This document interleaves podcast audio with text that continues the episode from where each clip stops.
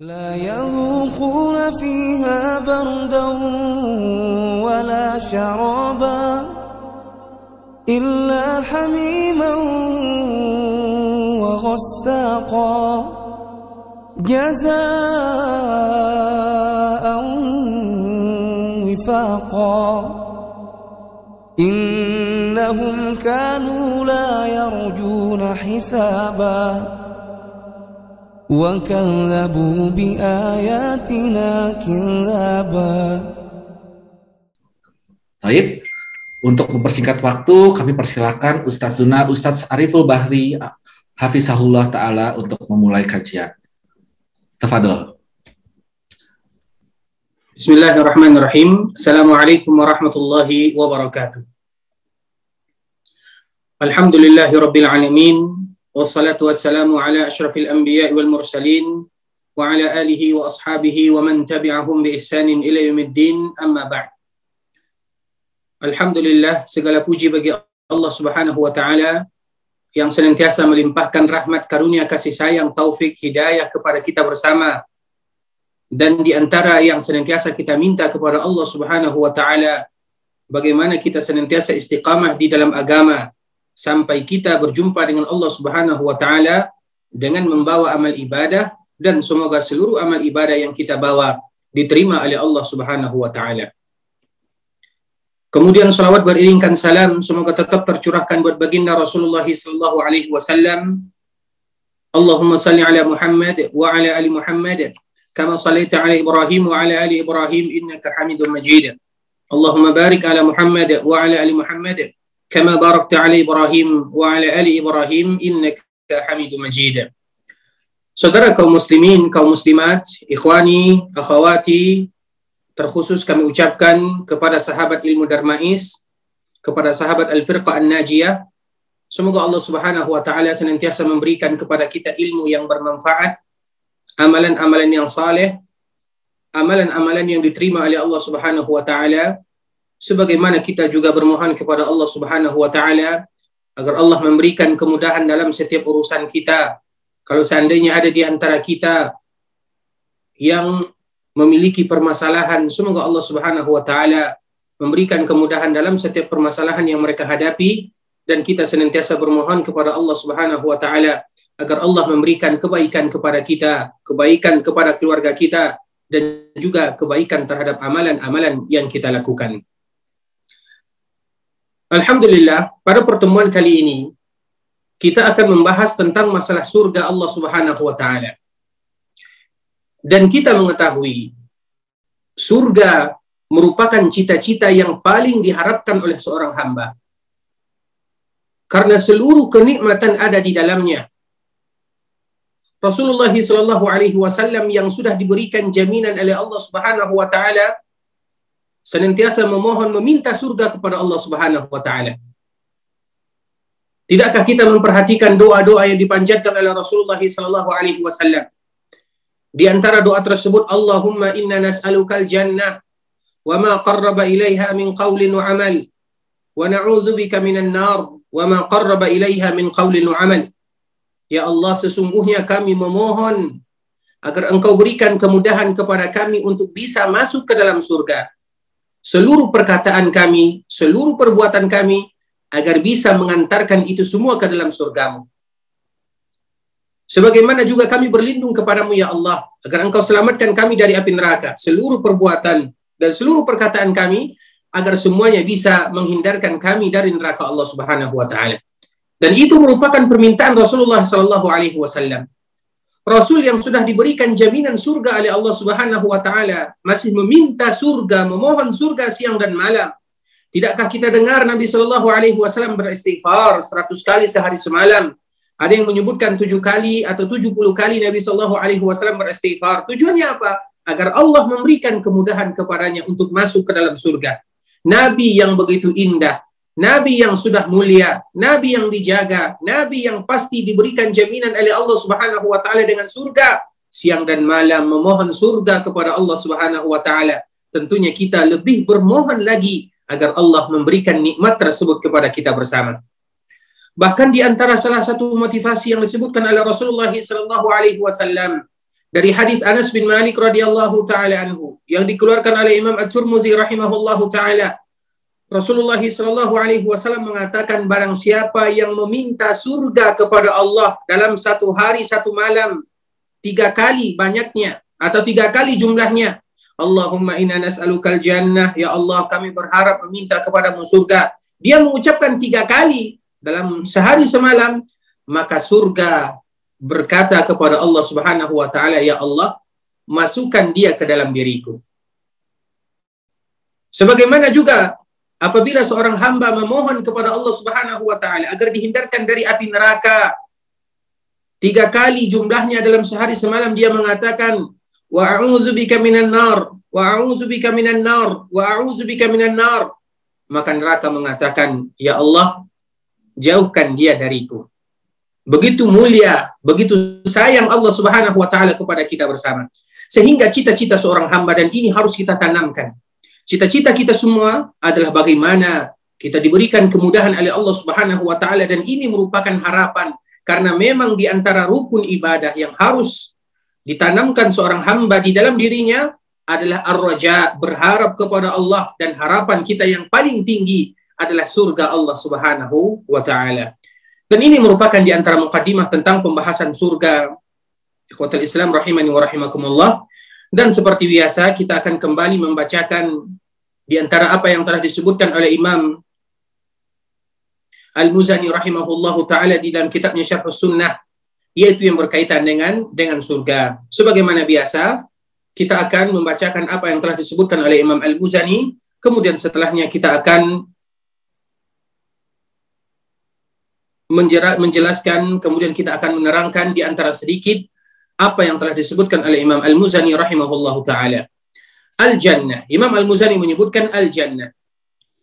Wa ahlul jannati yawma idzin fil jannati yatana'amun.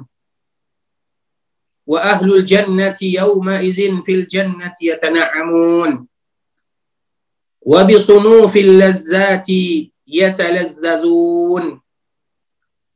afdalil karamati yuhbarun. Wa bi afdalil karamati yuhbarun. Wa ahlul jannati yawma idzin. Dan sesungguhnya penduduk surga pada hari itu. Fil jannati yatana'amun. Mereka berada di dalam surga mendapatkan nikmat dan mereka menikmati nikmat tersebut.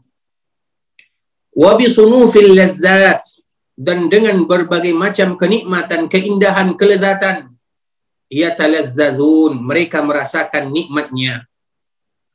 Wa bi afdalil karamat. Dan juga dengan keramat kemuliaan kelebihan yang paling mulia. Yuhbarun. Mereka akan merasakan keindahannya. Itulah yang akan didapatkan oleh penduduk surga.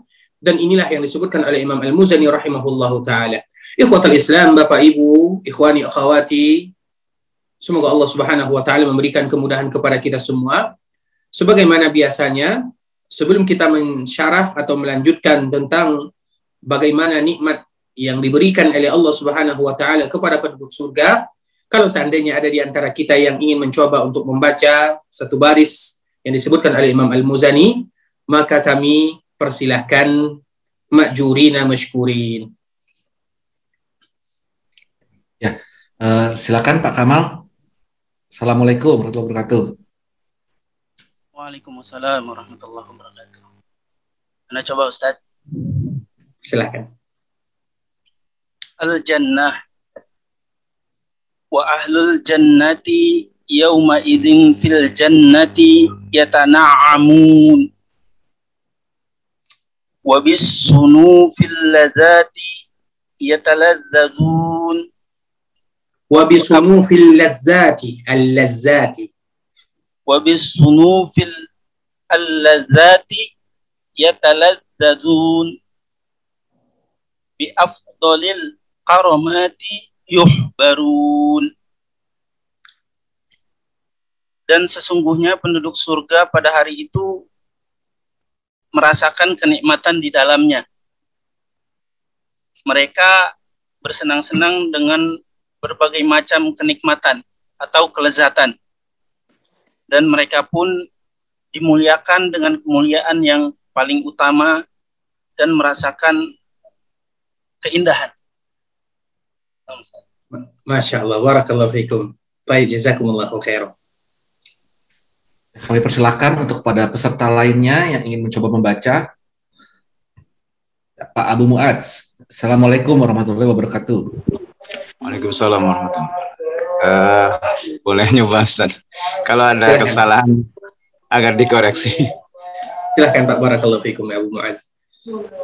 Wa, uh, wa ahlul jannati yauma idzin fil jannati yatana'amun wa bisunu fil ladzati yataladzadun wa bi af wa bi afdalil karomati yuhbarun uh, wa ahlul jannati dan ahli surga yauma idin pada hari itu fil jannati di dalam sur, sur uh, di dalam surga ya tanah amun uh, merasakan kenikmatan wabi sunufi uh, apa ini Ustaz? Sunufi itu apa? Itu bermacam-macam. Bermacam-macam ya. Alladzati kelezatan. Ya taladadun.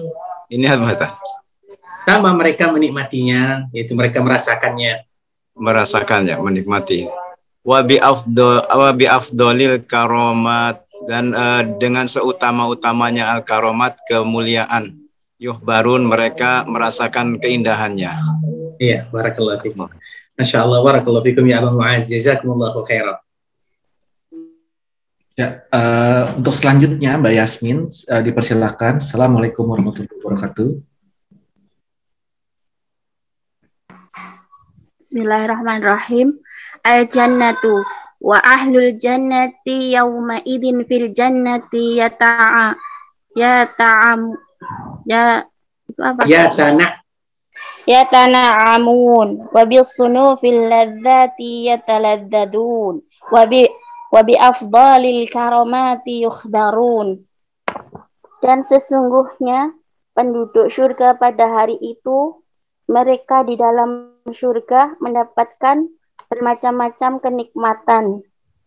Di dalam surga mereka merasakan kesenangan dengan berbagai kenikmatan dan dengan kelebihan-kelebihan yang mulia mereka dikabarkan.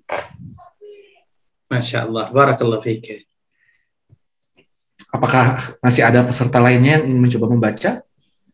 Kami persilahkan.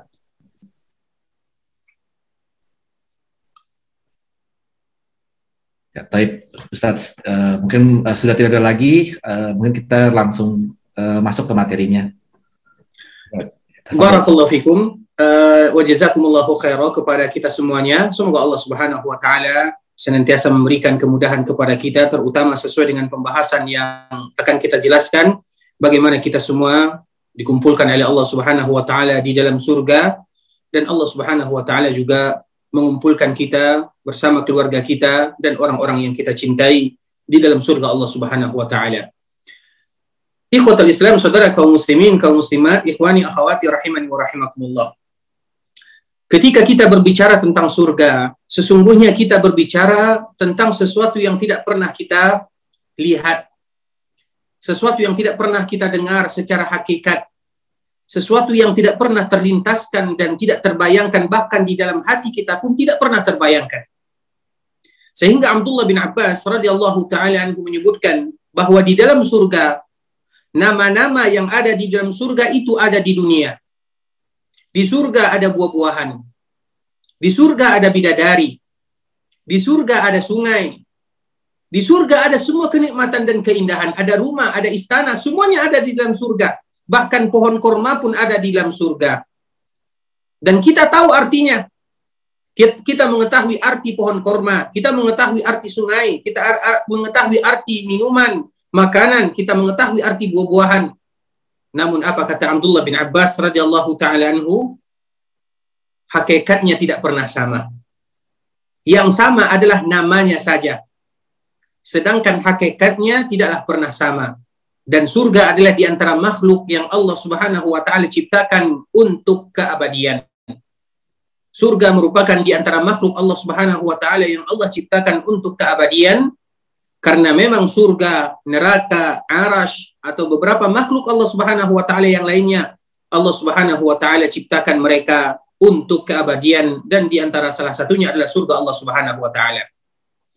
Sebelum kita menjelaskan tentang perkara surga ikhwatul Islam, saudara kaum muslimin, tentunya di sana bagi mereka yang lebih menginginkan mengetahui dan mendalami tentang surga Allah Subhanahu wa taala, ada sebuah kitab yang mungkin ada sebahagian kita sudah mengetahuinya yang dikarang oleh Imam Ibn Qayyim rahimahullahu taala yang meninggal pada tahun 752 Hijriah yang sudah diterjemahkan ke dalam edisi bahasa Indonesia dengan judul Bertamasa ke Surga.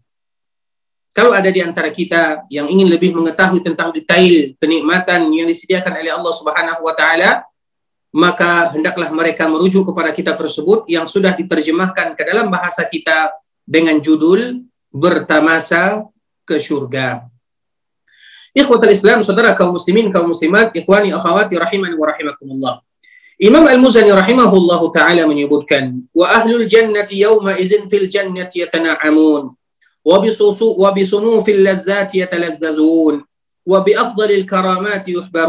Sesungguhnya penduduk surga pada hari itu mereka akan merasakan kenikmatan, mereka akan merasakan kelezatan yang bermacam-macam dan mereka akan mendapatkan kemuliaan dan keindahan yang sangat indah.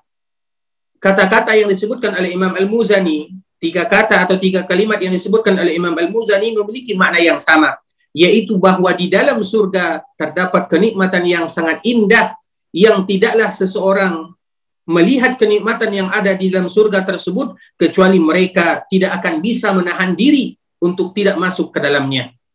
Sehingga ketika Allah Subhanahu wa taala menciptakan surga, maka Allah Subhanahu wa taala berkata kepada para malaikatnya, "Wahai malaikatku, silakan kamu melihat apa yang telah disediakan di dalam surga tersebut." Maka malaikat melihat di dalam surga melihat keindahan yang ada di dalamnya. Kemudian dia kembali datang kepada Allah Subhanahu wa taala sambil mengatakan, "Ya Allah, kalau seandainya ada di antara hambamu yang melihat surga tersebut, maka tidak akan ada di antara mereka kecuali mereka pasti menginginkan untuk masuk ke dalam surga. Allahu Akbar.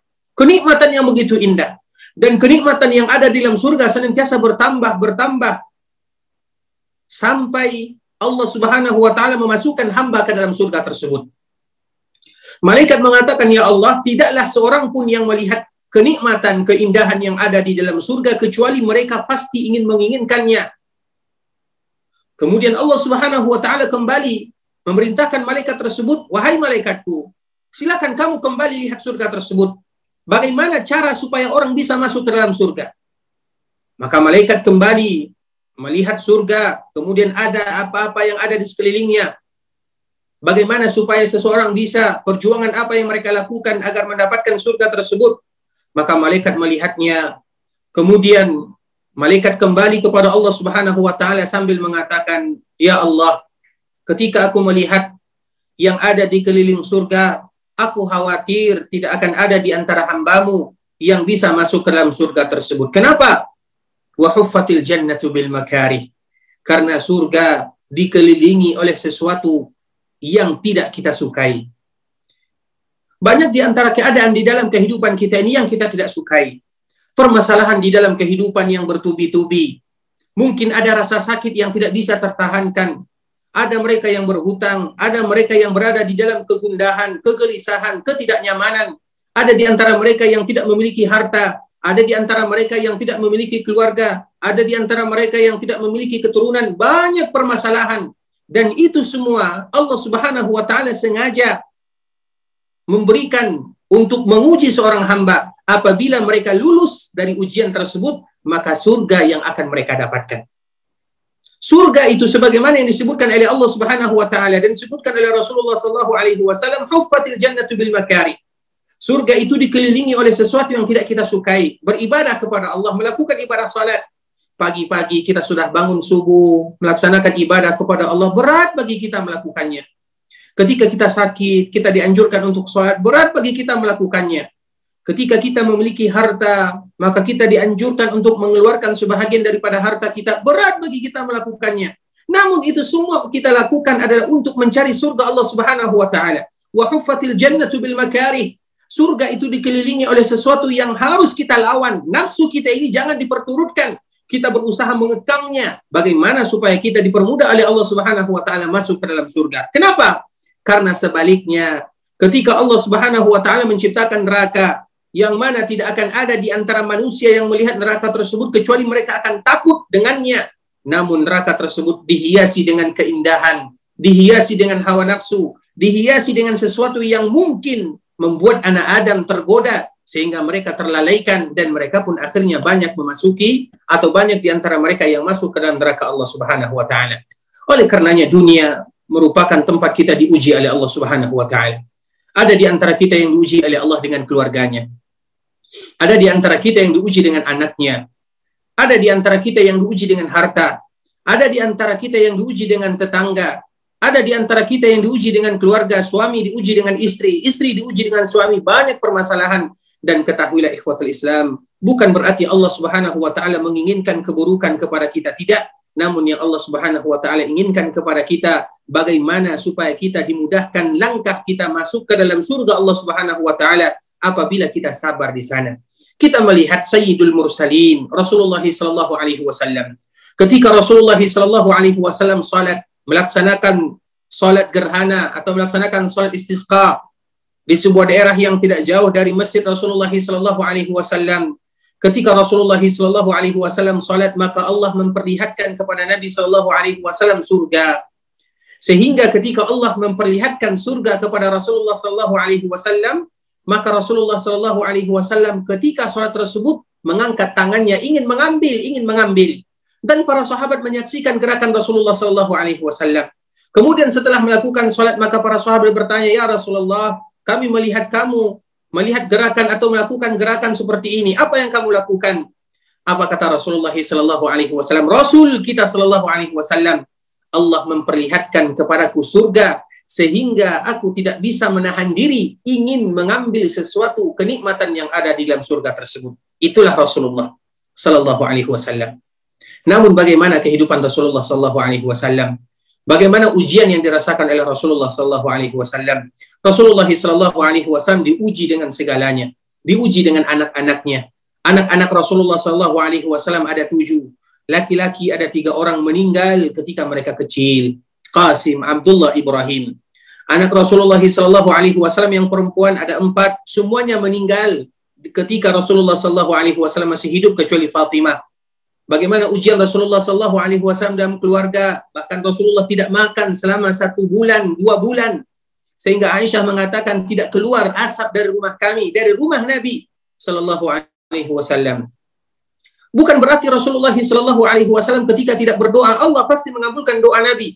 Namun ketika berat yang dirasakan oleh Rasulullah Sallallahu Alaihi Wasallam, perjuangan yang begitu dahsyat yang dirasakan yang diberikan oleh Allah untuk mengangkat derajat Rasulullah Sallallahu Alaihi Wasallam sehingga Rasulullah Sallallahu Alaihi Wasallam berada di dalam surga yang paling tinggi. Ikhwatul Islam, saudara kaum muslimin, kaum muslimat, ikhwani, akhwati, rahimani wa rahimakumullah.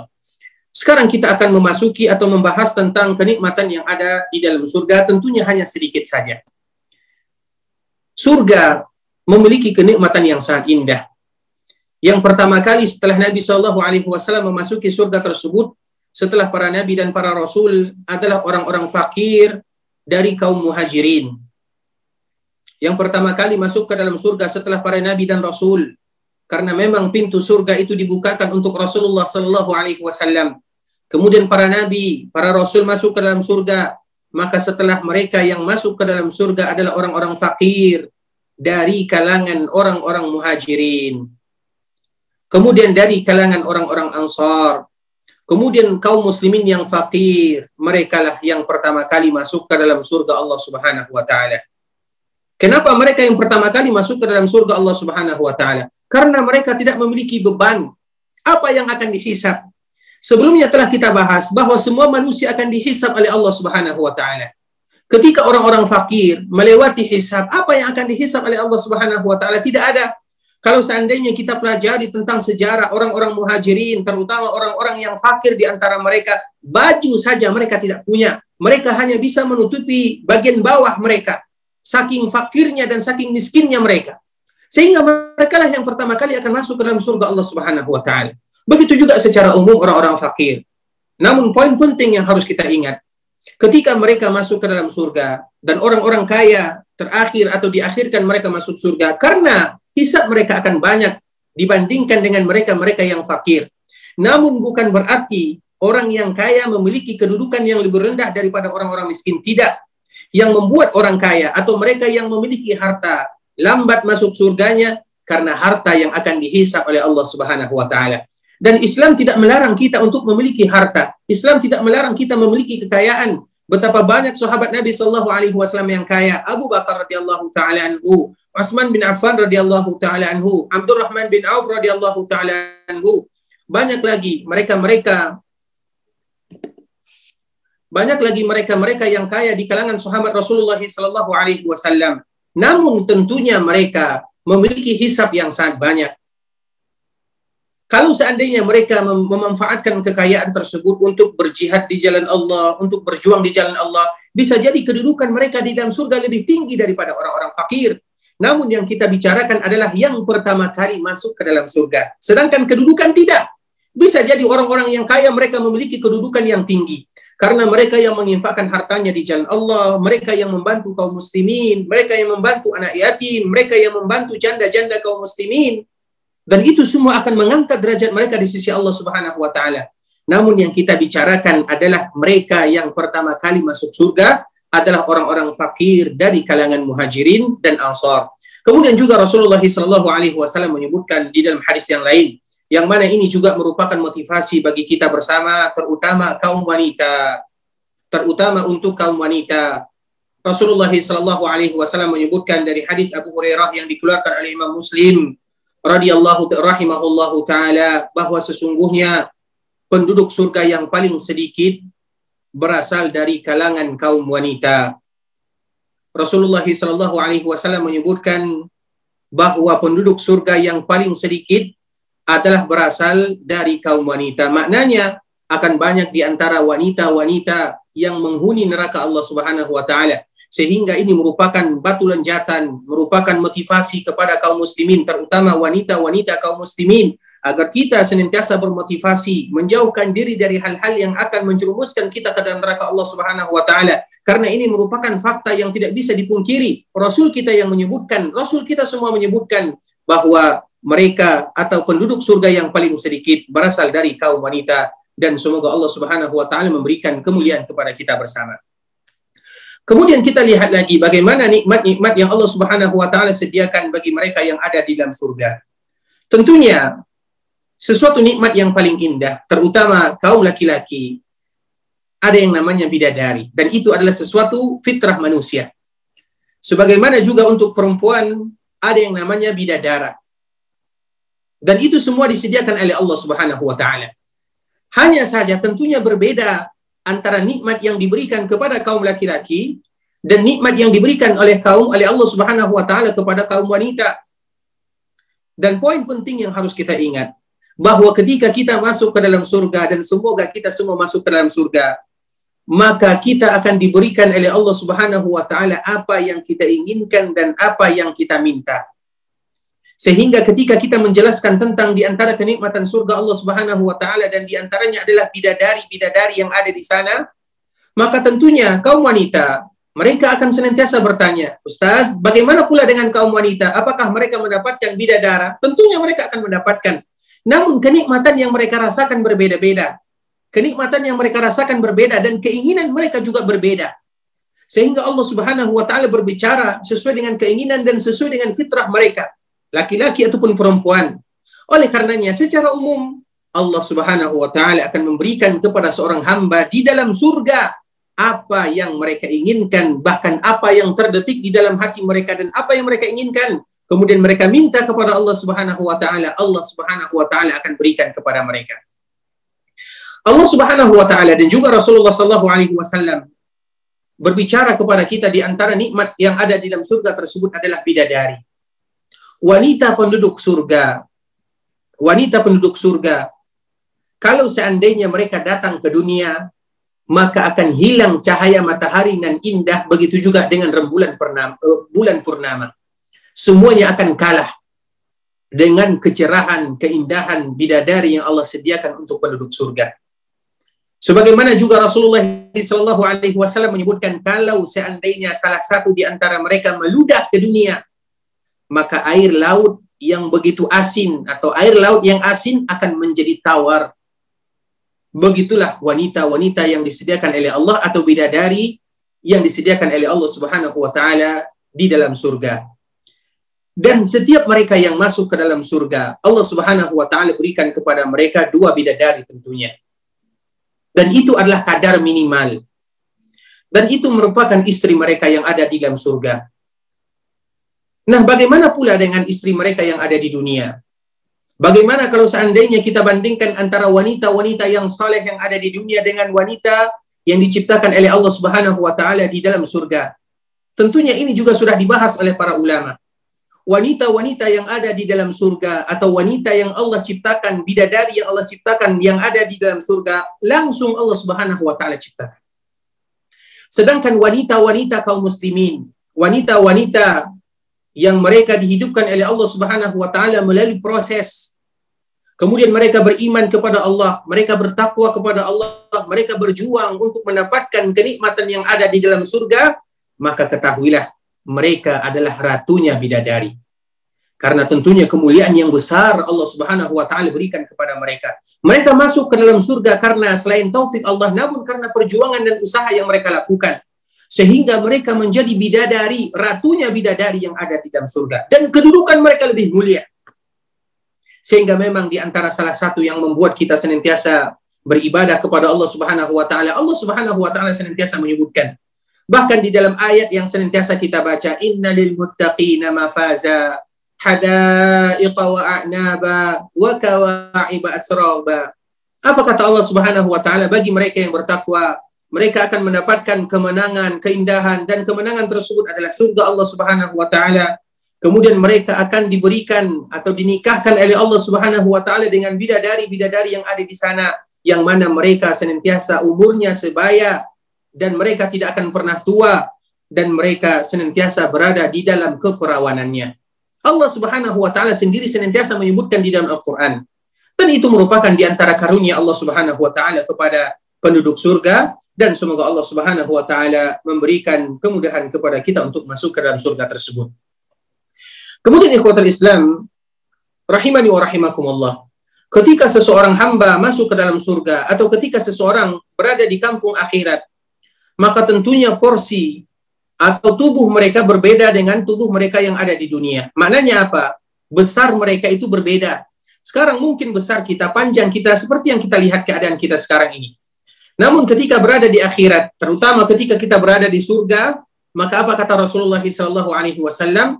Mereka besarnya sama dengan ayah mereka Adam alaihi salam, yaitu situ nazira'a. Mereka akan atau memiliki panjang 60 zira'. Zira' itu 60 hasta atau sekitar 28 atau 27 atau sekitar 30 meter panjangnya. Dan itu semua mereka-mereka yang ada di dalam surga. Kemudian umur mereka sebaya, yaitu sekitar 30 tahunan. Dan mereka tidak akan pernah berubah. Mereka mendapatkan kenikmatan masa-masa yang indah itu ketika seseorang berada di umur 30-an, 35 35 tahunan. Dan masa ini merupakan masa-masa yang indah yang dilalui oleh manusia sehingga ketika mereka berada di dalam surga maka mereka akan berada di dalam masa-masa tersebut.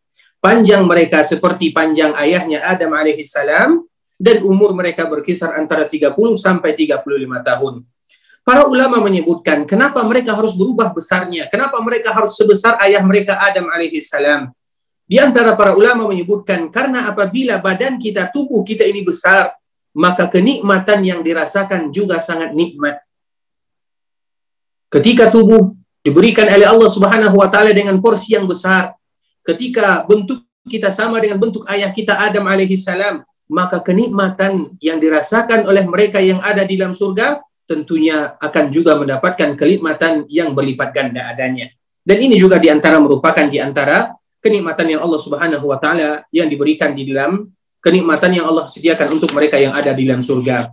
Kemudian ikhwatul Islam, saudara kaum muslimin, juga Rasulullah Shallallahu alaihi wasallam menyebutkan di antara kenikmatan yang ada di dalam surga bahwa orang-orang yang ada di dalam surga itu diberikan kepada mereka makanan, makanan-makanan yang indah. Disebutkan di dalam hadis Rasulullah Wasallam. Di antara makanan yang diberikan kepada penduduk surga adalah ziyadatu kabidin nun atau ziyadatu kabidil hut. Mereka akan diberikan kepada mereka yaitu hati. Kita mengetahui ada namanya hati ikan uh, ikan hiu, hut atau ikan nun Ikan nun itu artinya adalah sama dengan al-huts. Huts itu kalau kita terjemahkan sama dengan ikan hiu. Kemudian ikan hiu ini ada hatinya. Kemudian di hati ikan hiu ini ada daging yang berlebih di sana. Nah, itu merupakan di antara makanan penduduk surga yang diberikan oleh Allah Subhanahu wa taala. Tentunya kita tidak mengetahui secara pasti apa hikmahnya. Yang jelas untuk mendapatkan ini di dalam kehidupan dunia saja sangat sulit. Namun itu merupakan di antara makanan yang diberikan oleh Allah Subhanahu wa taala kepada penduduk surga. Kemudian begitu juga sebagaimana yang disebutkan oleh Rasulullah sallallahu alaihi wasallam, di dalam surga itu ada pohon. Ada pohon yang indah, pohon yang sangat besar yang mana apabila seorang hamba melakukan perjalanan dan ingin berkeliling mengelilingi pohon tersebut, maka mereka tidak akan bisa mengelilingi pohon tersebut, tidak bisa menyelesaikan untuk mengelilingi pohon tersebut selama 100 tahun lamanya. Saking besarnya pohon yang disediakan oleh Allah Subhanahu wa taala dalam surga. Tentunya itu merupakan di antara bentuk kenikmatan yang indah. Karena al-jannah, kata-kata al-jannah itu hukum asalnya atau kata asalnya adalah pohon keindahan perkebunan. Itu arti daripada jannah. Jannah itu artinya secara bahasa yaitu adalah pepohonan, perkebunan, keindahan. Itu adalah arti bahasa secara secara bahasa arti surga secara bahasa. Nah, tentunya di antara bentuk kenikmatan yang Allah Subhanahu wa taala berikan kepada mereka yang ada dalam surga yaitu pohon-pohon yang indah, bahkan kurma-kurma yang disediakan oleh Allah Subhanahu wa taala, bahkan uh, sesuatu yang mereka inginkan. Makanya Rasulullah sallallahu alaihi wasallam menyebutkan barang siapa yang senantiasa mengucapkan la ilaha illallah wahdahu la syarikalah lahul mulku wa lahul hamdu yuhyi wa yumiitu wa huwa ala kulli syai'in qadir maka Allah Subhanahu wa taala akan memberikan kepadanya kurma yang ada di dalam surga. Setiap kali seorang hamba yang diberikan kenikmatan di dalam surga atau setiap kali seorang hamba mengucapkan doa tersebut maka mereka diberikan kurma untuknya di dalam surga. Berapa banyak seorang hamba mengucapkan dan mengulang-ulang kalimat tersebut maka sebanyak pula itulah sebanyak itu pula lah mereka akan diberikan kurma yang ada di dalam surga. Kemudian ikhwatul Islam, saudara kaum muslimin, kemudian di surga juga ada yang namanya pasar. Pasar yang ada di surga itu diadakan setiap kali dalam satu minggu, yaitu setiap hari Jumat. Di dalam surga itu juga ada pasar yang mana disediakan di sana satu kali dalam atau setiap hari Jumat maka kaum muslimin atau mereka-mereka yang masuk ke dalam surga akan pergi ke pasar tersebut. Tentunya mendapatkan keindahan dan berbeda pasar, tentunya pasar ada namanya pasar. Namun berbeda pasar kita dengan pasar yang ada di surga. Apa di antara perbedaannya? Rasulullah Shallallahu Alaihi Wasallam menyebutkan setiap kali mereka keluar dari istananya, setiap kali mereka keluar dari keluarganya, yang laki-laki mereka ingin pergi ke pasar, ingin keluar melihat suasana yang ada di sana, maka ada angin yang berhembus. Ketika ada angin yang berhembus, maka mereka semakin rupawan, mereka semakin indah. Kemudian ketika mereka kembali kepada keluarganya, maka keluarganya terheran-heran, wahai fulan, wahai fulan, wahai suamiku, aku melihat engkau lebih indah daripada sebelumnya. Kemudian sang suami atau yang laki-laki ini juga mengatakan kepada istrinya atau mengatakan kepada bidadari yang diberikan oleh Allah kepadanya. Ternyata mereka begitu juga. Setiap kali mereka pergi ke pasar tersebut, maka mereka akan semakin indah.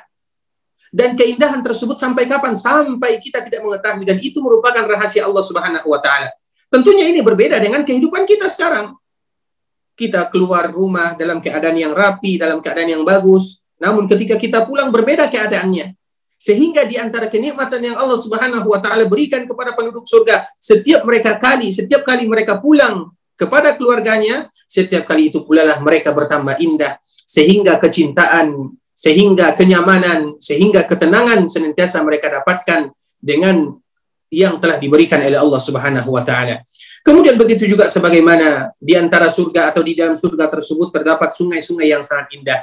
Allah Subhanahu wa taala menyebutkan di dalam surga ada sungai yang terbuat dari khamar, di dalam surga ada sungai yang terbuat dari susu, di dalam surga ada sungai yang terbuat dari air tawar, semuanya adalah sungai-sungai yang ada di dalam surga. Makanya Allah Subhanahu wa taala senantiasa kita mendengar firman Allah Subhanahu wa taala, tajri min tahtihal anhar yang mana surga tersebut mengalir di bawahnya sungai-sungai yang begitu indah. Kita tahu arti sungai, namun hakikatnya tidak akan pernah sama.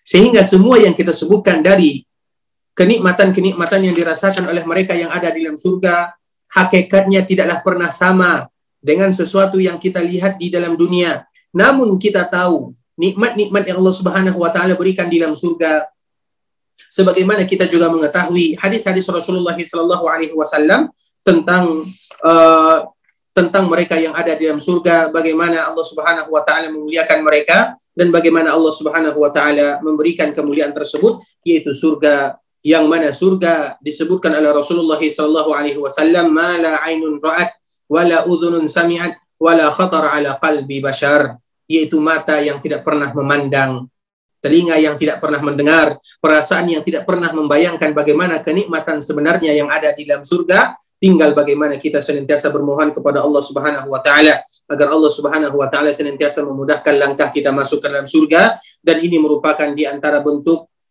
di antara kenikmatan yang Allah Subhanahu wa taala berikan kepada penduduk surga dan masih banyak lagi kenikmatan-kenikmatan yang akan mereka rasakan dan yang terpenting yang kita ingin lakukan adalah bagaimana supaya Allah Subhanahu wa taala memudahkan langkah kita masuk ke dalam surga Allah Subhanahu wa taala. Dan terakhir sebelum kita membuka sesi yang kedua, kita harus mengetahui ikhwatal Islam. Mereka yang masuk ke dalam surga itu berbeda-beda. Ada mereka yang masuk ke dalam surga rombongan pertama. Ada mereka yang masuk ke dalam surga rombongan kedua. Ada mereka yang masuk ke dalam surga rombongan ketiga. Derajat mereka berbeda-beda, kelompok mereka juga berbeda-beda. Di antara yang membedakan mereka adalah karena amal, karena taufik dari Allah dan juga karena amal perbuatan mereka.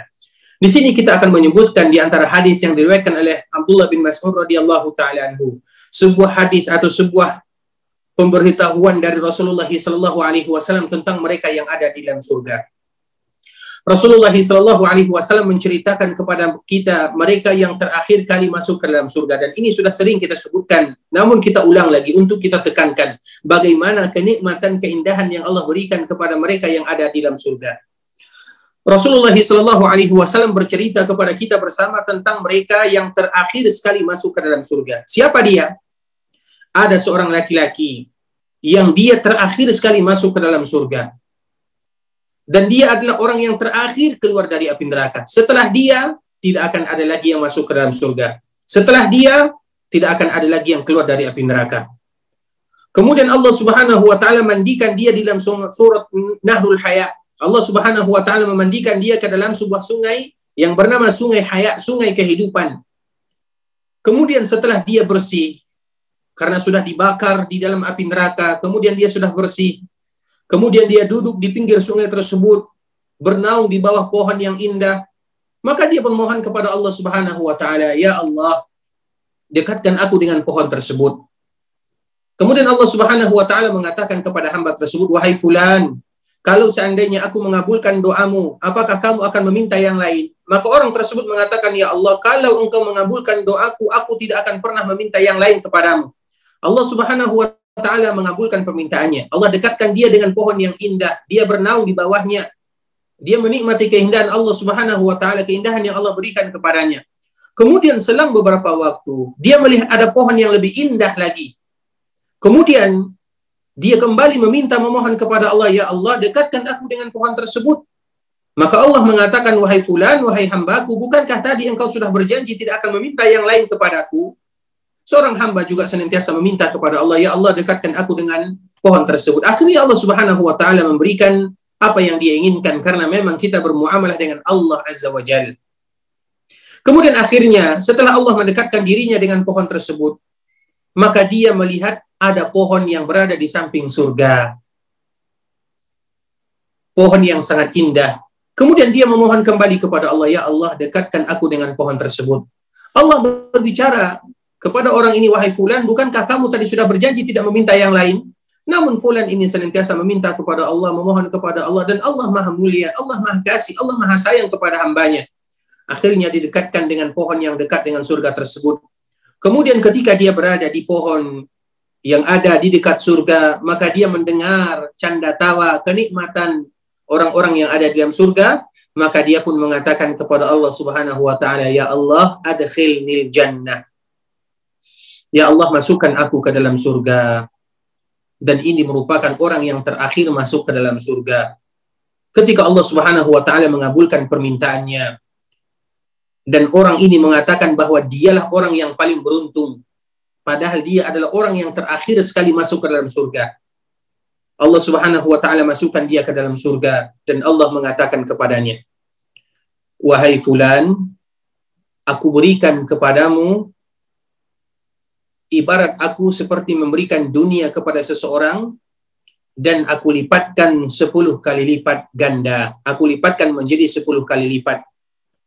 Ibarat dunia diberikan kepada orang tersebut, kemudian digandakan oleh Allah Subhanahu wa taala sepuluh kali lipat dan inilah kenikmatan yang dirasakan bagi mereka yang terakhir sekali masuk ke dalam surga. Kalau ini merupakan nikmat yang Allah berikan kepada penduduk surga yang terakhir kali masuk ke dalamnya, yaitu ibarat dunia, dia memiliki dunia. Coba kita bayangkan, jangankan kita memiliki dunia, kita memiliki daerah kita saja, bagaimana kita bangga. Ini dunia yang Allah Subhanahu wa taala berikan dan tawarkan kepadanya.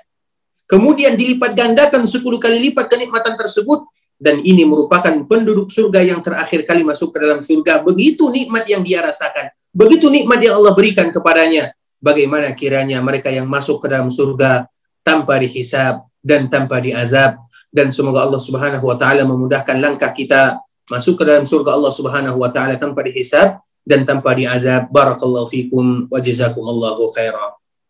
Jazakumullah khairan katsiran Ustadz atas pemaparan materinya yang sangat menarik dan bermanfaat. Uh, sekarang uh, kita lanjut ke pertanyaan. Insya Allah akan uh, akan kami bacakan uh, yang sudah uh, mengirimkan pertanyaan. Mungkin sebelumnya saya ada uh, dua pertanyaan yang ingin ditanyakan berkenan dengan uh, topik kita pada malam ini. Yang pertama, uh, pernah uh, saya dengar bahwa ada ada kalimat seperti ini Ustadz bahwa setiap muslim itu akan masuk surga. Apakah itu benar atau tidak? Yang kedua, berdasarkan eh, kajian-kajian uh, kita beberapa minggu sebelumnya bahwa uh, terdapat uh, ada uh, deskripsi gitu uh, Ustadz yang berbeda dari apa yang kita baca de, uh, jadi maksudnya di Al-Qur'an atau apa yang kita baca itu berbeda dengan uh, sebenarnya maksud Allah begitu Ustaz. Nah, uh, dalam hal ini apakah kata-kata bidadari itu uh, demikian Ustaz? Apa apa bidadari yang dikatakan itu apakah memang ya berwujud bidadari kalau kita misalkan googling gitu di internet kita ketik bidadari muncul gitu seperti itu Ustaz. Terima kasih uh, jazakumullah khairan katsiran. Barakallahu fikum. Barakallahu fikum kepada Bapak uh, moderator, Bapak dokter. Semoga Allah Subhanahu wa taala menjaganya, menjaga keluarganya, memberikan keberkahan kepadanya serta kemudahan dalam setiap urusannya. Untuk pertanyaan yang pertama, apakah setiap muslim mereka masuk ke dalam surga? Tentunya harapan kita seluruh mereka yang muslim masuk ke dalam surga Allah Subhanahu wa taala. Namun yang menjadi tanda tanya, siapa mereka yang muslim? Siapa mereka yang muslim? Dan tentunya setiap muslim, muslim itu adalah mereka al-istislamu lillah. Muslim itu atau kata-kata muslim adalah mereka yang al-istislamu lillah, mereka yang menyerahkan diri kepada Allah, mereka yang patuh kepada Allah, mereka yang melakukan perintah Allah, dan mereka yang meninggalkan larangan Allah Subhanahu wa taala. Kalau seandainya demikian dan itu makna muslim yang kita inginkan, maka seluruh kaum muslimin akan masuk ke dalam surga Allah Subhanahu wa taala. Bahkan Allah Subhanahu wa taala sendiri atau Nabi sallallahu alaihi wasallam juga menyebutkan mengqala la ilaha illallah dakhala jannah. Barang siapa yang masuk ke dalam surga atau barang siapa yang mengucapkan la ilaha illallah maka mereka akan masuk ke dalam surga. Namun tentunya menjadi seorang muslim bukanlah sesuatu yang mudah. Begitu juga mengucapkan kalimat la ilaha illallah, itu ada syarat dan ada rukunnya. Kalau seandainya seorang muslim, walaupun mereka melakukan dosa, melakukan maksiat, melakukan sesuatu yang dilarang di dalam agama, namun mereka masih melakukan perintah Allah, terutama ibadah salat, terutama syahadat, kemudian terutama ibadah salat, maka harapan mereka masuk surga sangat besar. Bahkan di antara salah satu syafaat yang terakhir, sebelumnya telah kita menyebutkan dan kita menyebutkan secara ringkas saja bahwa Rasulullah SAW memberikan syafaat bagi mereka yang masih memiliki keimanan walaupun sebesar semut yang berwarna hitam. Dan yang terakhir sekali memberikan syafaat adalah Allah Subhanahu wa taala. Apa kata Allah Subhanahu wa taala? Akhriju minan nari man qala la ilaha illallah. Keluarkan dari api neraka kata Allah Subhanahu wa taala. Dan ini merupakan syafaat Allah. Syafaat zat yang maha rahman, yang maha rahim akhriju man qala la ilaha illallah akhriju minan nari man qala la ilaha illallah keluarkan dari api neraka bagi mereka yang mengucapkan la ilaha illallah dan itu semua merupakan kenikmatan yang Allah Subhanahu wa taala berikan kepada mereka yang mengucapkan la ilaha illallah namun bukan sekedar ucapan karena mengucapkan la ilaha illallah ada syaratnya, ada rukunnya sebagaimana yang disebutkan oleh Ibrahim At-Taimi rahimahullahu taala. Kunci surga itu adalah la ilaha illallah. Namun kita juga harus tahu bahwa setiap kunci mereka memiliki giginya. Karena setiap kunci atau satu kunci dengan kunci yang lainnya berbeda. Apabila kita membuka pintu dengan satu kunci, namun kunci yang lain, maka tidak akan bisa terbuka. Dan itulah yang disebutkan oleh Ibrahim At-Taimi. Itu adalah di antara syarat. Apa syaratnya? Yaitu mereka yang jujur, mereka yang ikhlas, mereka yang tahu, mereka yang tunduk, mereka yang patuh, mereka yang menerima konsekuensi daripada kalimat tauhid tersebut dan itu merupakan di antara kenikmatan yang Allah Subhanahu wa taala berikan kepada mereka yang mengucapkan la ilaha illallah dengan syarat dan rukun-rukun yang telah disebutkan. Kemudian untuk pertanyaan yang kedua tentang masalah tadi yang telah dicontohkan, apakah itu hanya sekedar kiasan atau itu hakikatnya memang benar? Makanya di awal pembahasan tadi telah kita sebutkan seluruh yang ada di dalam surga kita tahu maknanya. Kita tahu maknanya. Bidadari, kita tahu makna bidadari. Buah-buahan kita tahu arti buah-buahan. Pohon-pohon kurma kita tahu pohon kurma. Sungai-sungai kita tahu artinya sungai. Kita tahu artinya. Namun hakikatnya pasti berbeda. Hakikatnya pasti berbeda. Namun kita juga harus mengetahui kita tidak boleh mentakwil ayat-ayat yang Allah Subhanahu wa taala sebutkan di dalam Al-Qur'an. Apa yang Allah sebutkan, apa yang Rasul sebutkan sesuai dengan bahasa yang telah diturunkan oleh Allah Subhanahu wa taala. Ketika Allah menjanjikan sungai-sungai yang ada di dalam surga, Allah berikan sungai. Namun bagaimana hakikat sungai tersebut itu yang kita tidak tahu.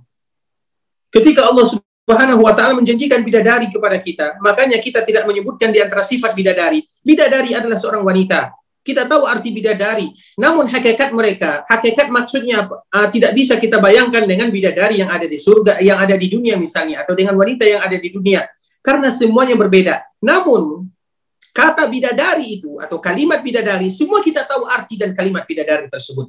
Makanya Allah Subhanahu wa taala dan Rasulullah sallallahu alaihi wasallam menyebutkan di antara salah satu sifat bidadari yang ada di dalam surga karena saking indahnya maka mereka ketika mereka dengan keindahan dan dengan kecantikan yang Allah Subhanahu wa taala berikan kepada mereka Rasulullah Shallallahu Alaihi Wasallam mengatakan, "Likulli mri'in minhum zaujatan, isnatani yura mukhu sawqaihima min min wara'il laham, wa ma fil jannati a'zab." Apa kata Rasulullah Shallallahu Alaihi Wasallam?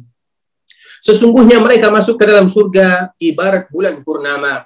Kemudian mereka diberikan bidadari yang ada di dalamnya. Bagaimana di antara cirinya? Terlihat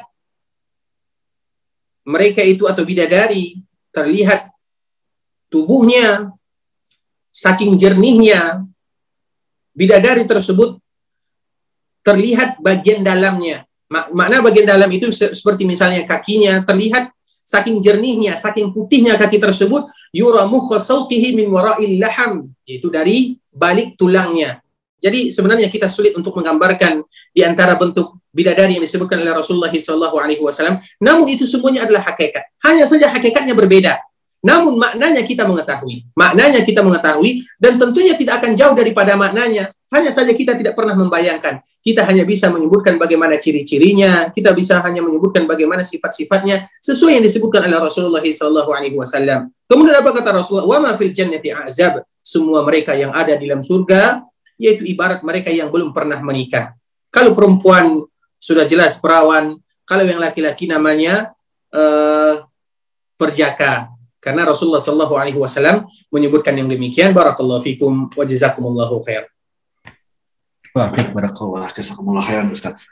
Uh, selanjutnya untuk uh, penanya dengan raise hand, kami persilahkan Yuni Wahyuni. Assalamualaikum warahmatullahi wabarakatuh. Assalamualaikum warahmatullahi wabarakatuh. Ustaz.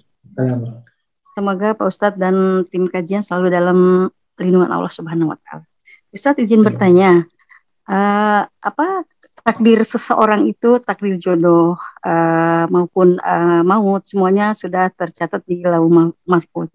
Kalau misalnya neraka dan surga itu apakah uh, Allah sudah menetapkan di lauh mahfuz untuk uh, ma mahfuz untuk uh, seseorang umatnya? Dan pertanyaan kedua, apakah uh, kalau jika kita sering uh, mengamalkan tiap malam uh, membaca surat Al-Muluk, kita terbebas uh, dari azab kubur? Dan jika kita terbebas dari azab kubur, apakah kita dia itu juga tandanya kita uh, terbebas dan tidak ada uh, di uh, apa di yaumil hisab kita juga akan uh, terbebas juga. Itu aja uh, jazakallah khairan. Barakallahu fikum wa jazakumullahu khairan kepada ibu kita yang bertanya. Semoga Allah Subhanahu wa taala menjaganya, memberikan keberkahan, kemudahan dan Allah Subhanahu wa taala senantiasa menjaga keluarganya dan juga menjaga kita bersama. Untuk pertanyaan yang pertama, apakah Allah Subhanahu wa taala sudah menakdirkan itu semua bagi kita? Allah menakdirkan rezeki kita, Kemudian juga Allah Subhanahu wa taala menakdirkan penduduk surga dengan penduduk api neraka. Maka jawabannya adalah semuanya sudah ditakdirkan oleh Allah Subhanahu wa taala. Semuanya sudah ditentukan oleh Allah Subhanahu wa taala. Namun supaya kita lebih mudah memahaminya, apakah kita tahu takdir tersebut yang telah ditentukan oleh Allah Subhanahu wa taala, apakah ini penduduk surga atau ini penduduk neraka? Kita tidak pernah tahu. Makanya Allah Subhanahu wa taala ketika mengabarkan kepada kita tentang takdir, maka kita tidak dianjurkan untuk bertanya tentang takdir tersebut. Karena takdir itu ibarat ilmu Allah Subhanahu wa taala dan Allah mengetahui semuanya.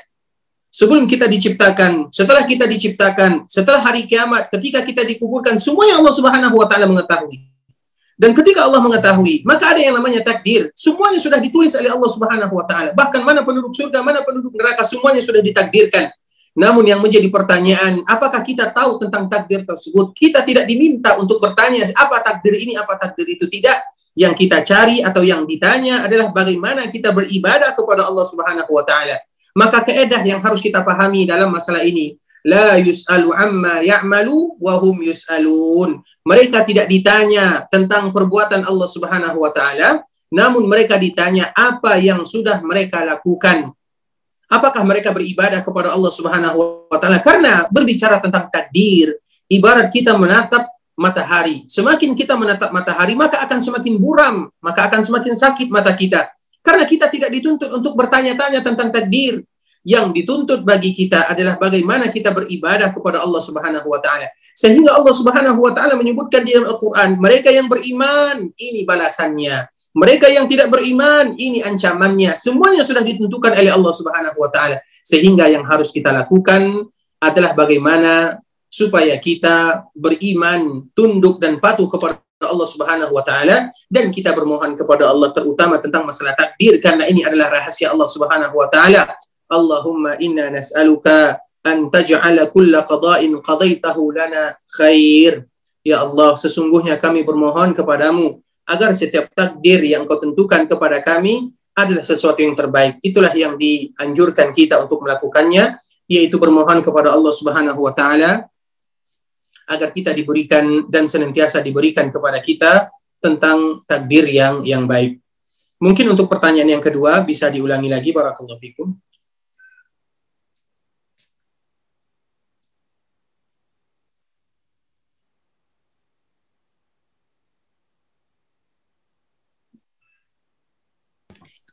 Kepada panitia mungkin uh, Mbak Yuni Wahyuni bisa di Uh, Assalamualaikum, uh, Ustadz. Uh, Afwan, pertanyaan kedua, jika kita sering mengamalkan tiap malam ya, khususnya untuk membaca surat Al-Muluk, uh, di situ di, ter, di hadis mengatakan uh, kita terbebas dari azab kubur.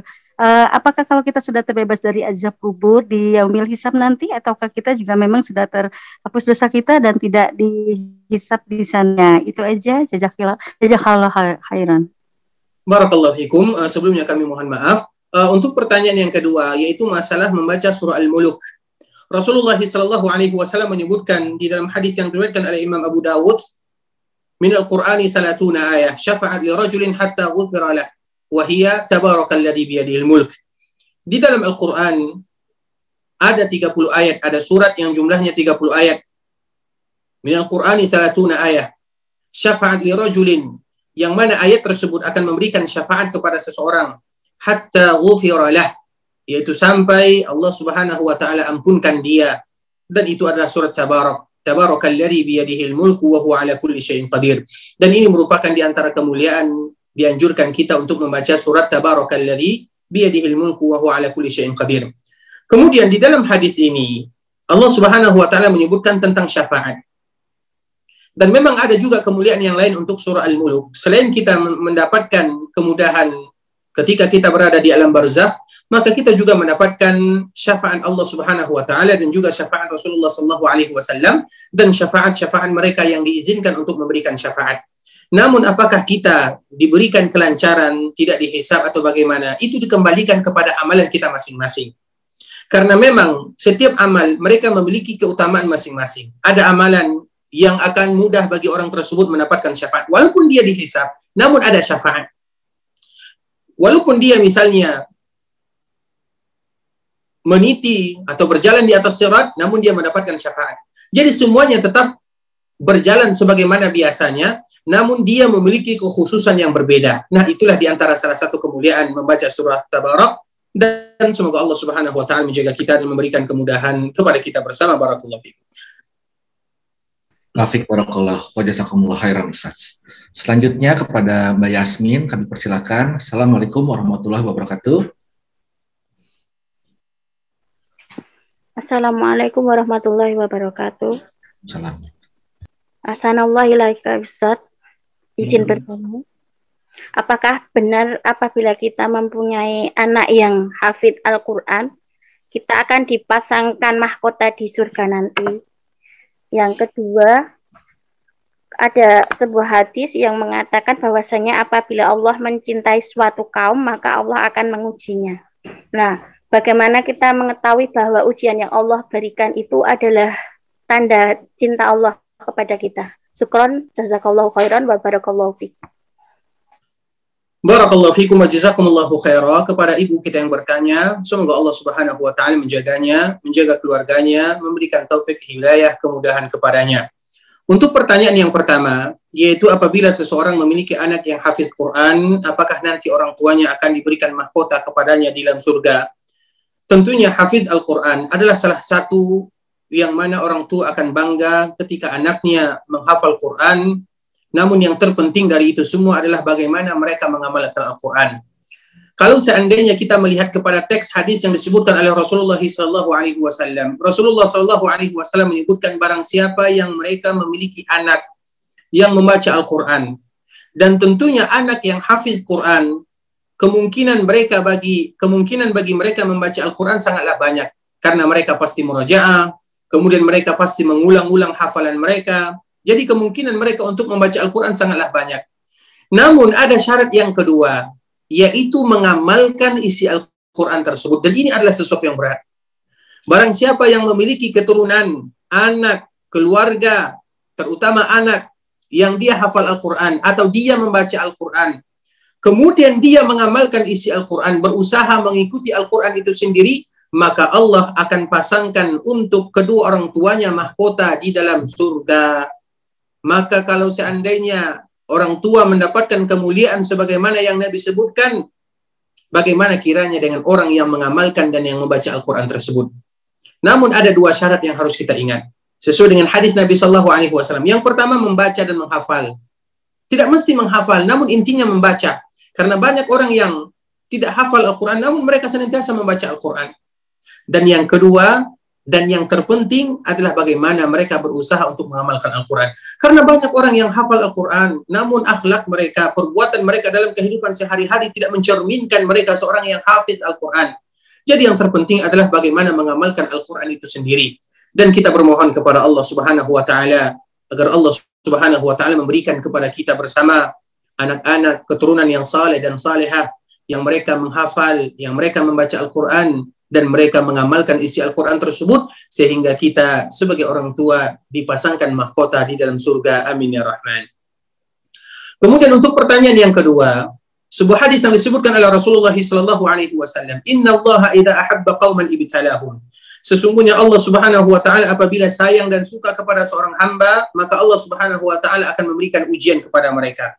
Di dalam hadis yang lain Rasulullah sallallahu alaihi wasallam menyebutkan asyaddul bala'il anbiya'i tsumma al-anbiya' tsumma al-amsalu fal amsal.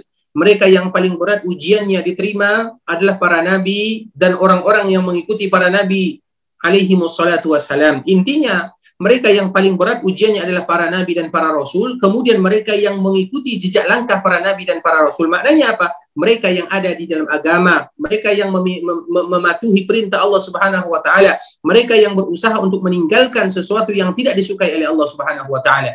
Inna Allah idza habba qauman ibtalahum. Sesungguhnya Allah apabila sayang kepada seorang kaum, maka Allah Subhanahu wa taala akan memberikan ujian kepada mereka. Nah, bagaimana kita mengetahui ini merupakan ujian dari Allah atau ini merupakan azab dari Allah Subhanahu wa taala atau ini merupakan istidrak dari Allah Subhanahu wa taala? Yang menentukan itu semua adalah bagaimana ketika kita menghadapi ujian tersebut. Ketika kita diberikan ujian oleh Allah Subhanahu wa taala, ke mana kita menghadap? Apa yang kita lakukan? Apakah kita semakin memohon kepada Allah? Apakah kita semakin dekat kepada Allah dan itu merupakan kebaikan-kebaikan yang paling mulia karena di antara salah satu yang diinginkan oleh Allah Subhanahu wa taala ketika Allah memberikan kepada seorang hamba ujian yang mana hamba tersebut berjalan di permukaan bumi ini dan dia tidak memiliki dosa sekecil apa pun. Allah angkat derajatnya, Allah hapus dosanya, Allah gugurkan kesalahannya. Itu di antara hikmahnya. Sehingga apabila seorang hamba diberikan ujian oleh Allah, kemudian dia bersabar, semakin mendekatkan diri dia kepada Allah Subhanahu wa taala, ketahuilah itu merupakan di antara bentuk kebaikan yang Allah inginkan dari hamba tersebut. Faman radiya, radi faman, faman ridha falahu ridha, faman radiya falahu ridha. Barang siapa yang ridha, barang siapa yang patuh, barang siapa yang menyerahkan diri kepada Allah, maka itu merupakan di antara bentuk kebaikan. Namun kalau seandainya apabila seseorang hamba diuji oleh Allah Subhanahu wa taala, namun ujian tersebut tidak mendekatkan dia kepada Allah, bahkan ujian tersebut memalingkan dia daripada ibadah kepada Allah, Bahkan dia mengatakan dengan seenaknya mengatakan, Ya Allah, kenapa harus aku yang diuji? Ya Allah, kenapa aku? Kenapa?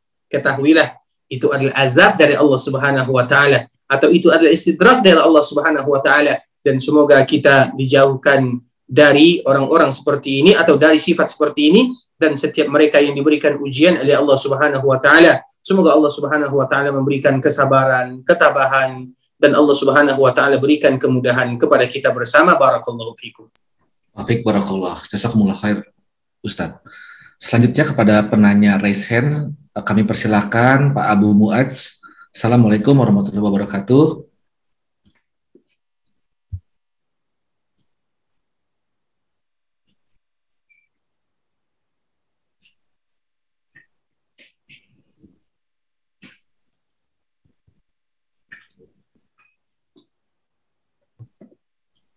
Ya, uh, Mungkin selanjutnya langsung kepada Pak Muhammad Haju.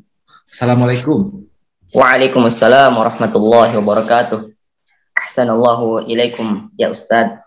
Pertanyaan saya,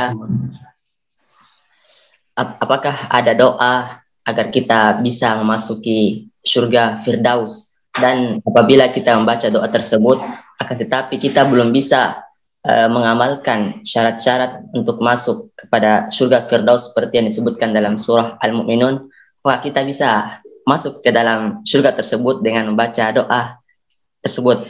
Mungkin itu barakallahu fikum wa jazakumullahu khaira. Barakallahu fikum kepada uh, sahabat kita, saudara kita yang bertanya. Semoga Allah Subhanahu wa taala senantiasa menjaganya, menjaga keluarganya, memberikan kemudahan dalam setiap urusannya dan Allah Subhanahu wa taala menjaga seluruh kaum muslimin. tentunya doa yang dianjurkan oleh Rasulullah SAW untuk mendapatkan surga dan masuk ke dalam surga sangatlah banyak versinya. Di antara salah satunya adalah hadis yang tadi telah kita sebutkan hadis Anas bin Malik radhiyallahu taala anhu.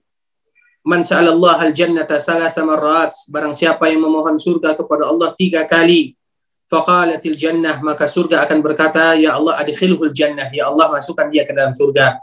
Dan hadis Anas bin Malik radhiyallahu taala anhu radhiyallahu taala anhu ini merupakan hadis yang sifatnya umum. Intinya bagaimana kita bermohon kepada Allah agar kita dimasukkan ke dalam surga. Intinya, bagaimana kita bermohon dengan kata bahasa yang mana saja, intinya kita bermohon kepada Allah agar masuk ke dalam surga dan dihindari dari api neraka Allah Subhanahu wa taala. Kemudian juga di antara lafaz doa yang diajarkan oleh Rasulullah sallallahu alaihi wasallam, Allahumma ajirni minan nar. Ya Allah, selamatkan aku dari surga dan masukkan aku ke selamatkan aku dari neraka dan masukkan aku ke dalam surga. Dan juga di antara doa yang disebutkan oleh Rasulullah sallallahu alaihi wasallam, di antara doa yang panjang Allahumma inni as'aluka minal khairi kullihi ajilihi wa ajilihi ma alimtu minhu wa ma lam a'lam wa a'udzu bika minasy syarri kullihi ajilihi wa ajilihi ma alimtu minhu wa ma lam a'lam Allahumma inni as'aluka khaira ma sa'ala 'abduka wa nabiyyuk wa a'udzu bika syarra ma 'adza bihi 'abduka wa nabiyyuk Allahumma inni as'aluka al-jannah wa ma qarraba ilaiha min qawlin wa 'amal wa a'udzu bika minan nar wa ma qarraba ilaiha min qawlin wa 'amal Allahumma inni as'aluka an taj'ala kulla qada'in qadaitahu li khair. Dan doa mana saja yang kita baca maka tidak menjadi masalah. Intinya kalaupun kita tidak hafal maka kita mengucapkan ya Allah masukkan aku ke dalam surga. Ya Allah masukkan aku ke dalam surga. Ya Allah masukkan aku ke dalam surga. Minimal kita mengucapkan tiga hari sehingga surga berkata kepada Allah ya Allah masukkan dia ke dalam surga. Sedangkan sebagaimana tadi yang telah disebutkan tentang masalah surga Firdaus, di dalam hadis yang lain Rasulullah SAW juga menyebutkan, "Idza sa'altumul jannah fas'alul firdaus, fa innahu min a'lal jannati wa wasatiha." Kalau seandainya kalian memohon kepada Allah ingin minta surga, maka mintalah surga Firdaus karena surga Firdaus adalah surga yang paling tinggi. Nabi sendiri yang menganjurkan kepada kita untuk mendapatkan surga Firdaus. Dan surga itu memiliki 100 tingkatan surga itu memiliki 100 tingkatan. Antara satu tingkatan dengan tingkatan yang selanjutnya dan tingkatan yang berikutnya yaitu sebanyak atau sepanjang langit dan bumi. Jaraknya antara langit dan bumi. Begitulah jauh tingkatan antara satu tingkatan dengan tingkatan yang berikutnya. Dan surga itu memiliki 100 tingkatan. Dan tingkatan yang paling tinggi adalah tingkatan surga. Tentunya kita bermohon kepada Allah, beribadah kepada Allah. Di samping kita berdoa, kita juga harus berusaha karena doa tanpa usaha tentunya akan miring usaha kita tersebut.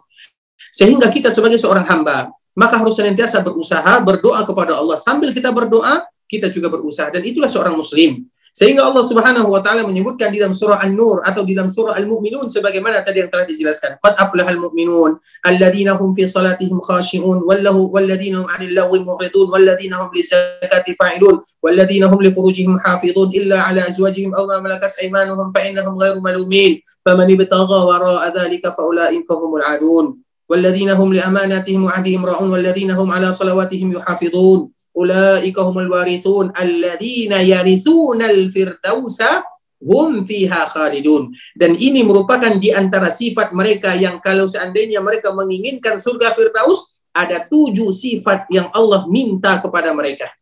Kalau seandainya kita ingin mengetahui tentang tujuh sifat tersebut, maka hendaklah kita membaca surat Al-Mu'minun. Di awal-awal surat Al-Mu'minun tersebut, Allah menjelaskan kepada kita apa sifat-sifat supaya kita masuk ke dalam surga. Tentunya kita semua bisa masuk ke dalam surga karena surga itu ardu samawati wal ard. Sebagaimana juga Allah Subhanahu wa taala sebutkan di dalam surah Ali Imran, "Wasari'u ila maghfiratin min rabbikum wa jannatin arduha samawati wal ard." Hendaklah kalian berlomba-lomba untuk masuk ke dalam surga yang luasnya seluas langit dan bumi. Tidak akan pernah penuh surga Allah Subhanahu wa taala. Maknanya, kalau seandainya semua kita berkumpul di dalam surga, maka akan cukup bagi kita. Tentunya doa harus seimbang dengan usaha. Nah, Allah Subhanahu wa taala memberikan syarat. Kalau seandainya kalian ingin masuk ke dalam surga Firdaus, ini syaratnya. Ada tujuh syaratnya. Kalau kita ingin lebih mengetahui tentang syarat tersebut, silahkan kita membaca surah Al-Mu'minun dari awal uh, sampai ayat ke-11 atau sampai ayat ke-14 sebagaimana tadi yang telah kita sebutkan dan semoga Allah memberikan kepada kita kemudahan di samping kita berdoa, di samping itu juga kita harus berusaha karena doa saja tidak cukup tanpa ada usaha sebagaimana juga usaha tidak cukup tanpa ada doa. Barakallahu fikum. Baik, barakallah. Jazakumullah khair, Ustaz. Selanjutnya, uh, izin aku tanya, uh, aku bacakan pertanyaan yang melalui kolom chat.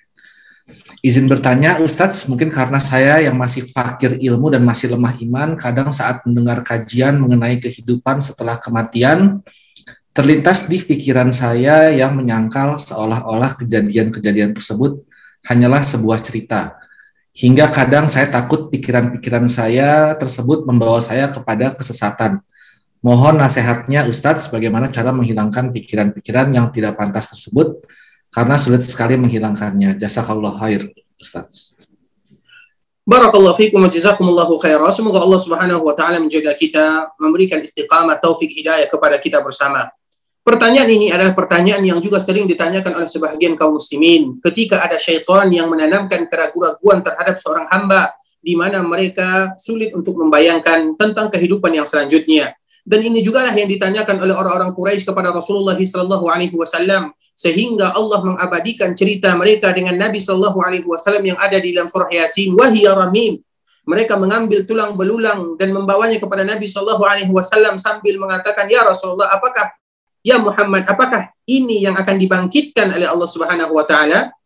Sehingga Allah Subhanahu wa taala bercerita kepada kita di dalam surat Yasin, terutama di akhir surat Yasin, bagaimana Allah Subhanahu wa taala menggabungkan antara dua hal yang berbeda.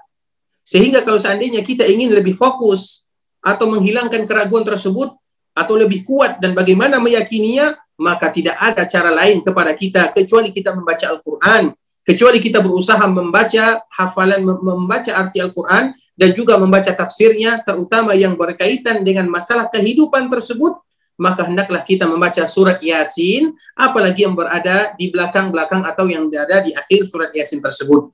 Kemudian di samping itu juga dan ini untuk membuktikan kepada kita bersama keraguan keraguan seperti ini sudah disebutkan oleh Allah Subhanahu wa taala di dalam surah Al-Baqarah. Sehingga di dalam surah Al-Baqarah ayat yang kedua atau surat yang kedua yang diletakkan oleh Allah Subhanahu wa taala setelah Al-Fatihah di mana kita dianjurkan untuk membaca Al-Baqarah dan Al-Baqarah memiliki keutamaan yang sangat besar. Banyak keutamaan Al-Baqarah. Dengan membaca Al-Baqarah syaitan akan lari dari kita, lari dari rumah kita. Maka setiap kita harus membaca surah Al-Baqarah. Karena ini adalah keraguan-keraguan dan di antara salah satunya menghilangkan keraguan tersebut adalah dengan membaca surat Al-Baqarah. Dan surat Al-Baqarah ini pula lah yang akan menanamkan keistiqamahan di dalam diri kita sebagaimana surat istiqarah ini Al-Baqarah ini jugalah yang akan memberikan syafaat kepada mereka yang membacanya. Kalau seandainya kita memperhatikan di dalam surah Al-Baqarah ini, Allah Subhanahu wa taala menceritakan kepada kita tentang lima kejadian. Kami ulang lagi. Allah Subhanahu wa taala menceritakan kepada kita tentang lima kejadian di mana Allah Subhanahu wa taala menghidupkan mereka yang sudah mati Allah Subhanahu wa taala menceritakan kepada kita lima tempat di surah Al-Baqarah. Dalam satu surat ini saja Allah Subhanahu wa taala seolah-olah ingin menganjurkan atau ingin mengajarkan kepada kita ketika kalian meragukan tentang kehidupan yang berikutnya, baca surah Al-Baqarah, baca artinya, pahami maksudnya dan maknanya. Di antara salah satunya adalah sesuatu yang Allah Subhanahu wa taala ceritakan kepada kita tentang Nabi Ibrahim alaihissalam. Nabi Ibrahim alaihissalam diperintahkan oleh Allah Subhanahu wa taala karena ingin mengetahui bagaimana Allah menghidupkan sesuatu yang sudah mati. Maka Nabi Ibrahim diperintahkan oleh Allah Subhanahu wa taala untuk mengumpulkan empat burung. Kemudian empat burung tersebut dipotong semuanya, dihancurkan tubuhnya, dicincang uh, kecil-kecil. Kemudian setelah itu dicampurkan, dicampur adukan burung-burung yang telah dicincang yang telah dipotong oleh Ibrahim alaihissalam. Kemudian setelahnya Allah Subhanahu wa taala memerintahkan kepada Nabi Ibrahim setelah dicampurkan burung-burung yang sudah dicincang tersebut atau yang sudah dipotong kecil-kecil tersebut kemudian diambil satu onggok diletakkan di bukit ini, yang satu diletakkan bukit sana, yang satu diletakkan di bukit sana, yang satu diletakkan di bukit sana. Kemudian Allah Subhanahu wa taala memanggil burung tersebut dan ini disaksikan oleh Nabi Ibrahim alaihissalam. Bagaimana potongan-potongan yang sudah dipotong oleh Nabi Ibrahim, mereka bersatu ke tempatnya masing-masing, hidup kembali dan dihidupkan oleh Allah Subhanahu wa taala. Sehingga di dalam surah Al-Baqarah lima kisah yang Allah sebutkan dengan kisah yang berbeda. Bagaimana Allah Subhanahu wa taala menyebutkan tentang kehidupan mudah bagi Allah Subhanahu wa taala. Sehingga kita yang harus kita lakukan adalah bagaimana kita yang pertama adalah kembali kepada Allah Subhanahu wa taala. Kita baca Al-Qur'an. Tidak ada alasan bagi kita untuk sibuk dari Al-Qur'an karena Al-Qur'an ini ibarat air yang senantiasa menyirami kekosongan, kegersangan yang ada di dalam hati kita. Al-Quran akan membuat kita tenang. Al-Quran akan membuat kita nyaman. Semakin kita membaca Al-Quran, semakin akan kita dapatkan ilmu pengetahuan di sana. Semakin kita memahami Al-Quran, semakin kita mendapatkan ilmu seolah-olah setiap kali kita kembali mengulang, setiap kali itu pula kita akan mendapatkan ilmu baru. Betullah Al-Quran itu adalah mukjizat yang diberikan oleh Allah Subhanahu wa taala kepada rasulnya dan juga menjadi mukjizat bagi kita yang membaca dan memahaminya serta berusaha untuk mentadaburinya dan semoga Allah memberikan kemudahan kepada kita untuk senantiasa dekat membaca meluangkan waktu untuk Al-Qur'an barakallahu fikum. Wa barakallah wa jazakumullah khair Ustaz. Uh, selanjutnya, Ustadz, kalau amal seseorang seimbang antara kebaikan dan kejelekannya, apakah nanti bisa dimasukkan ke surga? Atau masih diuji lagi seperti orang yang hidup di zaman fatroh atau orang yang bisu, tuli mulai sejak kecil? Syukran, Ustadz. Jazakallah khair. Barakallahu fikum wa jazakumullahu khairah. Semoga Allah Subhanahu wa taala menjaga kita, memberikan kemudahan taufik dan hidayah kepada kita bersama. Mereka yang memiliki amalannya yang seimbang antara kebaikan dengan kejelekan, maka di sana ada yang namanya syafaat. Dan di antara bentuk syafaat tersebut, karena syafaat itu banyak, ada syafaat yang khusus untuk Rasulullah Sallallahu Alaihi Wasallam, ada syafaat yang khusus untuk umat Rasulullah Sallallahu Alaihi Wasallam, ada syafaat untuk para nabi, para rasul yang lainnya, ada syafaat malaikat, ada syafaat teman, dan yang terakhir adalah syafaat Allah Subhanahu Wa Taala.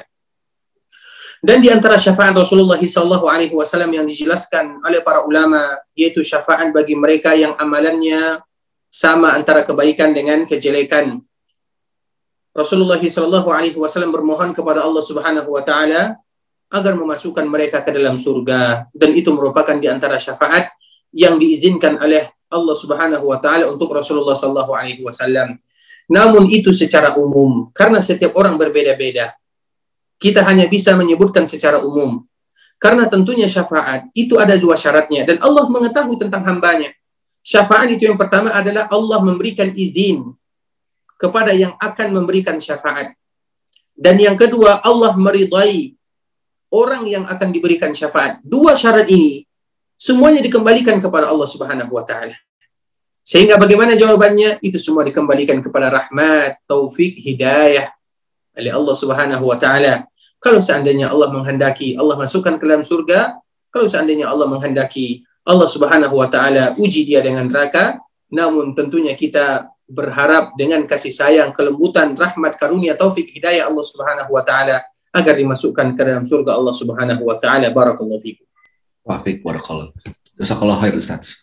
Pertanyaan selanjutnya adalah mengenai perkataan uh, jika uh, jika kalau mau masuk surga jangan apa uh, kata-kata dari seorang ustadz jika seseorang ingin berkumpul bersama temannya di surga maka sampaikanlah saat masih hidup uh, mohon penjelasannya ustadz jazakallah khair Barakallahu fikum jazakumullahu khairah. Semoga Allah Subhanahu wa taala menjaga kita bersama. Tentunya di antara salah satu syafaat yang disebutkan oleh Rasulullah sallallahu alaihi wasallam di dalam hadis yang diriwayatkan oleh Abu Sa'id Al-Khudri radhiyallahu taala anhu yang diriwayatkan oleh Imam Abu Daud, Imam At-Tirmizi, Imam Ibnu Majah, Imam Ahmad dan imam-imam yang lainnya yaitu tentang syafaat seorang teman terhadap teman yang lainnya. Yaitu seorang teman akan bisa memberikan syafaat kepada teman yang lainnya di hari akhirat kelak. Ketika mereka dikumpulkan oleh Allah Subhanahu wa taala di dalam surga, maka mereka bercerita dan bertanya-tanya, Kemudian ketika mereka bercerita, bertanya-tanya mana fulan? Maka dengan kemuliaan Allah Subhanahu wa taala, mereka memohon kepada Allah, ya Allah fulan, ada teman kami, kami tidak melihat dia ada di dalam surga. Mana dia ya Allah? Maka Allah memperlihatkan ternyata dia ada di dalam api neraka. Kemudian orang tersebut, karena mereka sudah terbiasa berteman dalam kehidupan dunia, maka mereka mengatakan, Ya Allah, nusalli yusalluna ma'ana. Dia dulu sholat bersama kami. Dan dia juga dulu berpuasa bersama kami. Dan kami tidak tahu kenapa dia masuk ke dalam neraka. Kemudian karena taufik Allah, karena kasih sayang Allah, dan karena syafaat teman-teman tersebut, maka Allah keluarkan dia dari api neraka dan Allah kumpulkan dia bersama teman-temannya. Sehingga dari sini para ulama menyebutkan dianjurkan kepada kita untuk mencari teman-teman yang baik, teman-teman yang mengingatkan kita kepada Allah, teman-teman yang mengingatkan kita akan siksa Allah Subhanahu wa taala. Teman-teman yang kalau kita berada di samping mereka, kita malu berbuat maksiat kepada Allah Subhanahu wa taala. Itulah teman yang sebenarnya. Teman yang apabila kita berada di sisinya, kita akan semakin semangat beribadah kepada Allah dan kita malu melakukan maksiat, itulah teman yang sebenarnya. Dan ini merupakan keberkahan antara satu teman dengan teman yang lainnya. Sebagaimana yang disebutkan oleh Imam Ahmad rahimahullahu taala. Nah, juga dianjurkan oleh Rasulullah Sallallahu Alaihi Wasallam yang demikian. Kalau seandainya ada teman yang baik, maka dianjurkan kepada kita untuk mengatakan bahwa kita ini cinta kepadanya karena Allah Subhanahu Wa Taala. Dan itu juga anjuran Nabi Shallallahu Alaihi Wasallam ketika kalian mencintai teman kalian karena Allah ingat mencintai teman karena Allah bukan karena dunia, namun karena Allah, karena ibadah dia, karena kesolehan dia, karena apabila kita melihat dia, maka kita akan kembali beribadah dan semangat beribadah kepada Allah Subhanahu wa taala. Datangi dia, katakan kepadanya, "Uhibbuka fillah." Aku cinta dan sayang kepadamu karena Allah. Kenapa? Karena teman yang seperti itu ikhwatul Islam, teman itulah yang nanti akan memberikan syafaat. Sehingga makna daripada apa yang disebutkan oleh Ustaz tersebut sampaikan kepadanya memang dari hadis Nabi Shallallahu Alaihi Wasallam sebutkan kepadanya bahwa kita mencintainya karena Allah Subhanahu Wa Taala. Sehingga Rasulullah Shallallahu Alaihi Wasallam mengajarkan sahabat yang demikian. Ada salah seorang sahabat kalau kami tidak salah namanya adalah Abu Zar. Dia mengatakan cinta kepada fulan sahabat yang lain. Maka Nabi mengatakan, tidakkah kamu mengatakan uhibbuka fillah? Rasulullah Shallallahu Alaihi Wasallam menganjurkan katakan kepadanya, aku cinta kepadamu karena Allah Subhanahu Wa Taala. Barakallahu fikum. Wafik barakallah. Uh, selanjutnya uh, pertanyaan saya itu adalah apa yang dimaksud dengan hisap yang ringan? Dan apakah orang yang mendapatkan hisap yang ringan termasuk orang-orang yang akan dimasukkan ke dalam surga? Jazakallah khair Ustaz. Barakallahu fikum wa jazakumullahu khairat. Tentunya pertanyaan ini sudah kita jawab pada pertemuan yang sebelumnya, namun kita kembali mengulang tentang masalah hisab. Hisab itu ada dua. Yang pertama hisabun yasirun, yaitu hisab yang ringan. Yang kedua hisabun asirun, yaitu hisab yang berat. Hisab yang ringan ini disebutkan oleh para ulama dengan istilah bahasa Nabi yang lainnya adalah al-ardu. Al-ardu itu adalah ketika Allah Subhanahu wa taala memanggil seorang hamba. Kemudian Allah bercerita dengan hamba tersebut fi kanafin, yaitu di dalam ruangan. Maknanya apa? Tidak ada satupun yang mengetahui dan tidak ada ada di sana kecuali Allah dan hamba ini. Kemudian Allah membacakan semua kesalahan yang pernah dia lakukan. Allah bacakan semua catatan amalan yang pernah dia lakukan. Allah bacakan satu-satu. Bukankah kamu pada hari ini melakukan ini, pada hari itu melakukan itu, sehingga hamba tersebut tidak ada yang bisa dia lakukan kecuali mengatakan iya ya Allah, iya ya Allah, aku melakukannya. Kemudian dibaca, dibaca, dibaca oleh Allah Subhanahu wa taala tanpa ada penterjemah antara dia dengan hamba tersebut. Maka hamba ini merasa dia pasti celaka, dia pasti masuk ke dalam neraka, dia melihat ke kanan, dia melihat ke kiri, dia melihat ke depan, melihat ke belakang, tidak ada yang akan bisa menyelamatkan dia dari Allah Subhanahu wa taala. Kemudian setelah Allah bacakan semua catatan amalannya, maka apa kata Allah Subhanahu wa taala yang akan membuat dia akan bahagia dan merasa dirinya lah yang paling bahagia. Allah Subhanahu wa taala mengatakan, "Al-yaum satartulak. Hari ini aku tutup, aku ampunkan seluruh tadi yang telah aku sebutkan. Namun Allah Subhanahu wa taala hanya sekedar membacakan agar kita mengetahui betapa detailnya Allah Subhanahu wa taala. La yughadiru saghiratan wa la kabiratan illa ahsaha. Tidak satu pun yang besar, tidak satu pun yang kecil kecuali Allah tulis secara detail, tidak satu pun yang ditinggalkan oleh Allah Azza wa Jalla tentang perbuatan yang pernah kita lakukan. Allah menginginkan agar hamba mengetahui bahwa Allah betul-betul mencatat, mengetahui seluruh amalannya. Namun karena kemuliaan Allah, karena kasih sayang Allah, dan karena amalan-amalan yang dilakukan oleh hamba tersebut, Allah mengatakan, semua catatan amalan kamu ini aku tutup dan aku ampunkan dosamu. Itulah yang disebut dengan arat. Arat itu hanya sekedar dibacakan oleh Allah Azza wa Jalla. Antara dia dengan hambanya dan itulah yang disebut dengan hisabun yasir. Kemudian setelahnya Allah tutupkan kesalahannya, Allah ampunkan dosanya, Allah masukkan dia ke dalam surga dan itulah yang disebut dengan hisabun yasir atau yang disebut dengan Arab. Barakallahu fikum wa jazakumullahu khair. Wafik barakallah. Jazakallah khair Ustaz. Selanjutnya ada dua pertanyaan. Yang pertama, apakah hukum seorang wanita menjadi penulis dengan niat untuk syiar dakwah dan semoga menjadi inspirator bagi saudara-saudari muslim dan non-muslim? Apakah cara ini bisa mengundang fitnah yang menjerumuskan ke neraka? Demikian pula seorang wanita yang menjadi dai uh, terkenal di medsos, apakah diperbolehkan? Untuk pertanyaan kedua, uh, di tengah zaman yang penuh fitnah ini, kiat-kiat apa yang perlu dilakukan uh, sebagai wanita soleha agar bisa selamat menuju jannah? Jazakallah khair Ustaz. Barakallahu fiikum wa jazakumullahu khairan. Semoga Allah Subhanahu wa taala menjaga kita bersama. Terkhusus kita mendoakan saudari-saudari kita kaum muslimat Allah Subhanahu wa taala memberikan mereka kemudahan sebagaimana juga Allah Subhanahu wa taala memberikan kemudahan kepada kita terutama menghadapi fitnah-fitnah yang sedang melanda. Untuk pertanyaan yang pertama, apakah dengan menulis itu boleh bagi seorang wanita untuk melakukan terutama dalam dunia dakwah? Tidak menjadi masalah seorang wanita menulis. Bahkan ada salah seorang wanita yang menukilkan hadis-hadis Rasulullah sallallahu alaihi wasallam Kemudian ketika dia menuliskan hadis-hadis Rasulullah sallallahu alaihi wasallam dia menulis sebuah kitab hadis. Kemudian ketika dia menuliskan kitab hadis ini, Terakhir, dia mengatakan kalau seandainya ada kesalahan yang ada di dalam kitab tersebut, maka ketahuilah maafkan kesalahan tersebut karena sesungguhnya aku sedang membuai anakku yang sedang tertidur.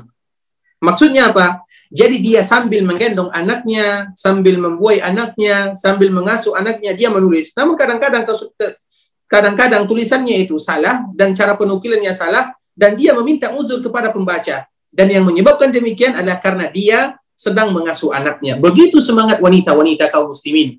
Dan itu adalah bagian daripada menyebarkan ilmu. Namun ingat, apa yang mereka karang dan apa yang mereka tulis. Tulisan yang paling indah adalah tulisan yang bersandarkan kepada kitabullah dan kepada hadis-hadis Rasulullah Sallallahu Alaihi Wasallam. Banyak wanita-wanita yang memiliki karangan, terutama buku. Namun jangan pernah menulis cerita-cerita fiksi, cerita-cerita hayalan, itu harus dijauhkan. Dakwah kembalikan kepada Allah Subhanahu wa taala. Bagaimana firman Allah, bagaimana hadis-hadis Rasulullah sallallahu alaihi wasallam. Kemudian kita membawa riwayat-riwayat tentang para sahabat, tentang para ulama, bagaimana mereka menafsirkan ayat-ayat tersebut atau bagaimana mereka memahami tentang masalah tersebut. Itulah yang namanya tulisan ilmiah. Jadi bukan hanya sekedar tulisan cerita dan itu harus dijauhkan karena kita berusaha berdakwah dan dakwah itu adalah dakwah kepada kitabullah dan kepada sunnah Rasulullah Sallallahu Alaihi Wasallam. Kemudian pertanyaan yang berkaitan dengan berdakwah di media sosial untuk kaum wanita, kalau seandainya itu hanya untuk kaum wanita, maka tidak menjadi masalah. Namun kalau seandainya di sana dikhawatirkan ada laki-laki, maka tentunya kita berusaha menjauhinya. Karena bisa jadi wanita tidak terfitnah, namun laki-laki yang terfitnah.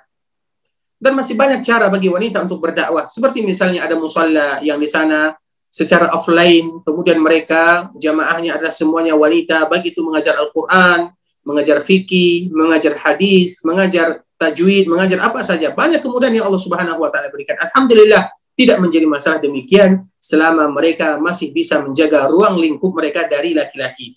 Kita lihat di dalam salat saja Rasulullah Shallallahu Alaihi Wasallam menyebutkan khairu sufafir rijali awwaluha wa syarruha akhiruha. Wa khairu sufufin nisa'i akhiruha wa syarruha awwaluha. Sesungguhnya saf yang paling bagus untuk laki-laki adalah yang di depan dan yang paling tidak bagus adalah yang di belakang. Sebagaimana saf yang paling bagus untuk perempuan adalah yang di belakang dan yang paling tidak bagus adalah yang di depan. Kalau mereka sholat berjamaah bersama kaum muslimin di dalam satu masjid. Apa maksudnya? Maksudnya laki-laki semakin jauh dari wanita yang bukan mahram semakin bagus. Begitu juga seorang wanita semakin jauh dari laki-laki semakin bagus. Karena fitnah yang terbesar bagi kami laki-laki adalah wanita. Dan fitnah yang terbesar bagi wanita adalah laki-laki. Nabi Shallallahu Alaihi Wasallam menyebutkan yang demikian dan ini bukan kita saja. Umat-umat sebelumnya begitu juga keadaannya. Rasulullah Shallallahu Alaihi Wasallam bercerita bagaimana umat-umat sebelumnya dan fitnah yang terbesar bagi mereka adalah fitnah wanita. Bagaimana orang-orang Yahudi, bagaimana orang-orang Nasara, begitu juga kaum muslimin. Sehingga bagaimana kita berusaha semaksimal mungkin selagi bisa kita menjauhi tidak bercampur baur, menjauhi fitnah itulah yang terbaik. Karena itu berkaitan dengan akidah, dengan keyakinan, dengan ketabahan dan dengan istiqamah kita dalam agama dan fitnah adalah fitnah dan itu adalah fitrah. Zuyyina linnasi hubbus syahawati minan nisa. Allah menyebutkan dalam surah Ali Imran, Allah menjadikan kecintaan seorang laki-laki kepada wanita dan itu adalah bagian daripada fitrah manusia yang tidak bisa dipungkiri. Sehingga bagaimana di antara bentuk kita menjauhi dari fitnah tersebut. Kalau seandainya kita belum menikah, dianjurkan kita menikah. Terutama wanita-wanita kaum muslimin. Ketika mereka menikah, maka mereka akan memiliki pasangan tempat bercerita, di mana mereka akan menghabiskan waktunya bersama suaminya, kemudian mereka akan membina rumah tangga dan itu adalah di antara bentuk menjaga fitnah yang paling bagus yaitu dengan pernikahan dan itu adalah solusi yang disebutkan oleh Rasulullah sallallahu alaihi wasallam begitu juga dengan cara-cara yang lainnya dengan mencari teman yang bagus, mengingatkan kita kepada Allah Subhanahu wa taala dan semoga Allah Subhanahu wa taala menjaga kita, menjaga kaum muslimin, menjaga kaum muslimat, menjaga kita bersama dari fitnah-fitnah yang melanda. Barakallahu fikum wa jazakumullahu khairan. Wafik barakallahu wa jazakumullahu khairan Ustaz. Uh, Ustaz ini kebetulan masih banyak pertanyaan dan kalau tidak salah di sana apakah sudah masuk waktu maghrib Ustaz? Uh, silahkan nanti kalau insya Allah kalau masuk waktu maghrib kami akan uh, memberitahukan insya Allah. Baik, Ustaz. Kalau gitu kita masuk ke pertanyaan selanjut, uh, selanjutnya.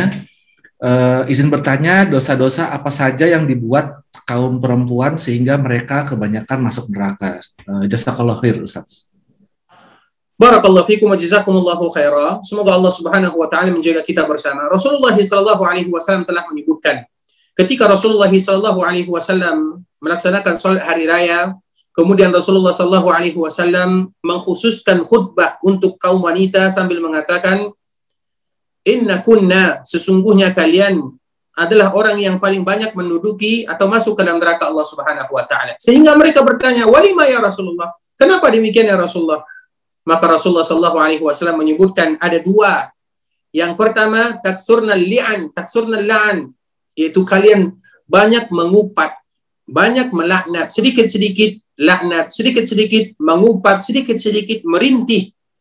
Sehingga kita harus melatih apa pun yang terjadi kepada kita serahkan kepada Allah Subhanahu wa taala supaya kita menahan lidah kita.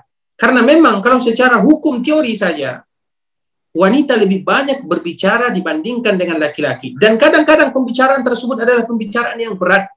Kalau bahasa kitanya gosip, sesuatu yang menceritakan aib, sesuatu yang tidak akan membawa manfaat bahkan itu adalah penyebab dimasukkan seseorang ke dalam neraka Allah Subhanahu wa taala yaitu taksurnal la'n banyak kalian mengupat, banyak kalian mencela, banyak yang tidak ridho, ini itu itu yang pertama disebutkan oleh Rasulullah sallallahu alaihi wasallam. Yang kedua, watakfurnal ashir. Dan kalian kufur kepada ashir, yaitu kepada suami. Maknanya apa kufur kepada suami? Ketika mereka diberikan oleh suaminya sedikit, maka mereka kalau bahasa kitanya mengomel, kenapa sedikit? Kami minta tambah, aku minta ini, minta itu. Itulah di antara penyakit dan ini rahasia yang disebutkan oleh Rasulullah Wasallam. Namun harus kita ingat, ketika Rasulullah Wasallam menyebutkan di antara penyebab dan yang menyebabkan wanita masuk surga dari dua hal yang tadi telah kita sebutkan, maka Nabi Wasallam tidak membiarkan begitu saja. Nabi Shallallahu Alaihi Wasallam meminta dan memberikan solusi bagaimana supaya mereka bisa menghapuskan dan menghilangkan. Kalau seandainya mereka pernah melakukan dua hal ini, apa solusinya? Supaya bisa bertobat kepada Allah atau supaya bisa menghilangkan yang yang tadi telah disebutkan oleh Rasulullah sallallahu alaihi wasallam? Maka apa kata Rasulullah sallallahu alaihi wasallam? Tasaddaqna.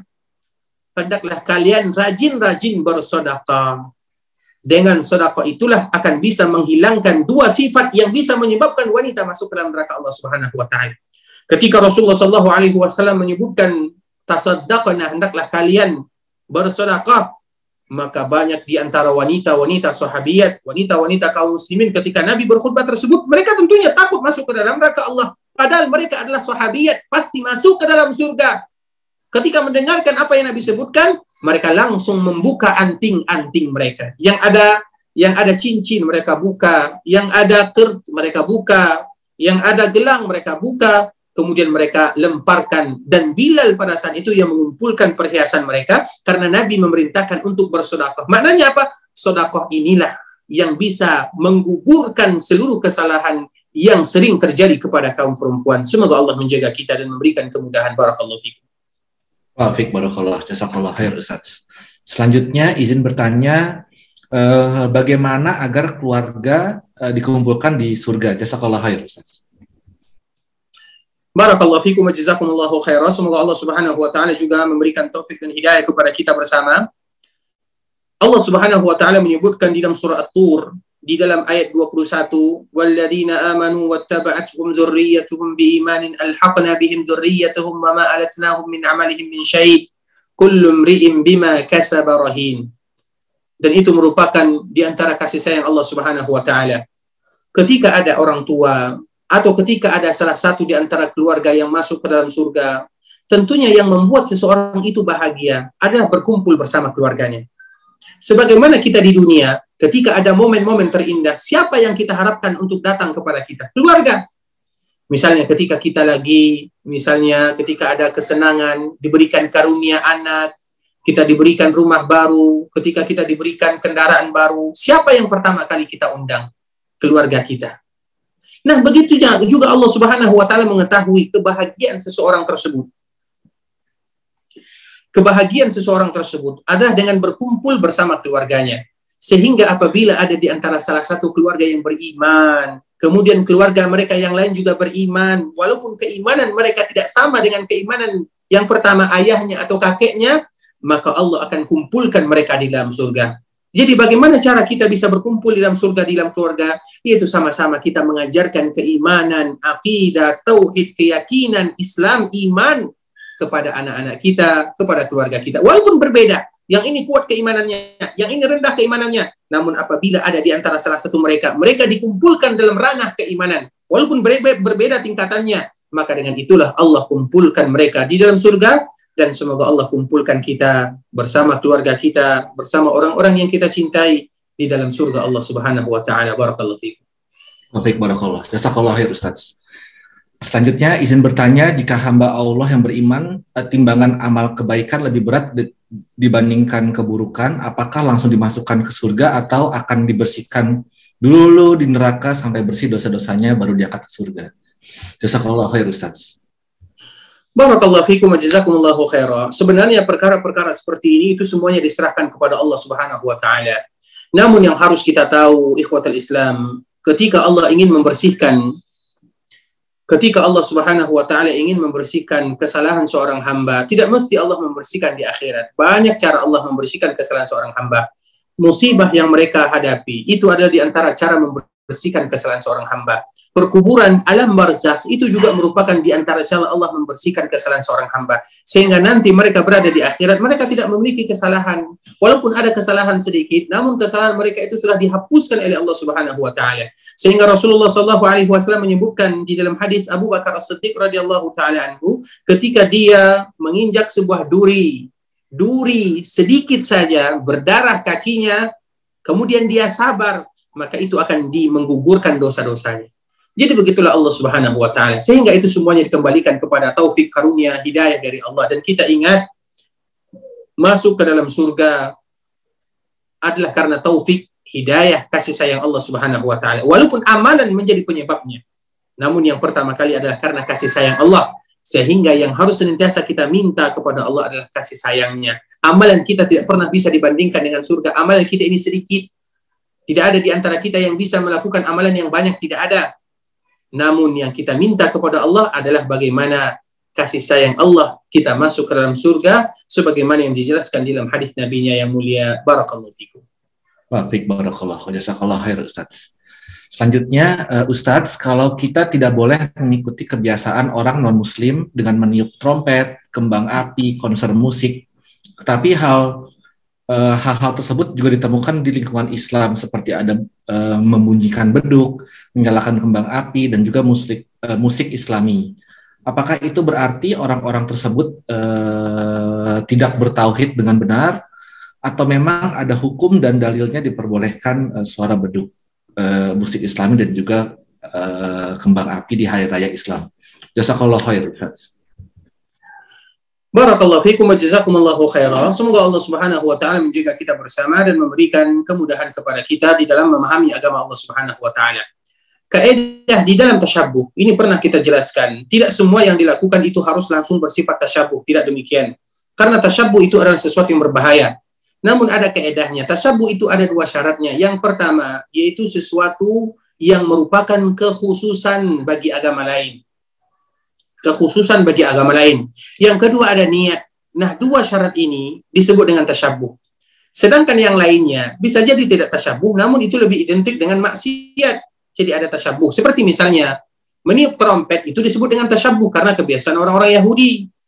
Seperti misalnya memakai, terutama misalnya memakai peci yang khusus orang-orang Nasara, itu disebut dengan tasyabuh.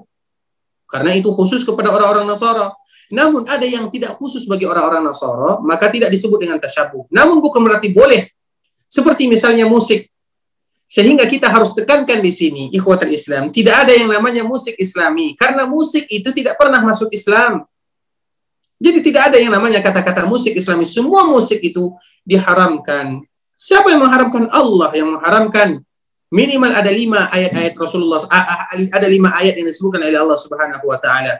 Ada mungkin lebih 14 hadis Rasulullah Sallallahu Alaihi Wasallam. Ada banyak perkataan para ulama yang menjelaskan demikian. Bahkan para ulama mazhab bersepakat musik.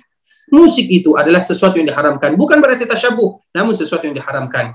Begitu juga dengan trompet. Trompet itu adalah uh, kalau kita sebutkan sekarang Apakah itu lebih identik dengan tasyabuh atau tidak?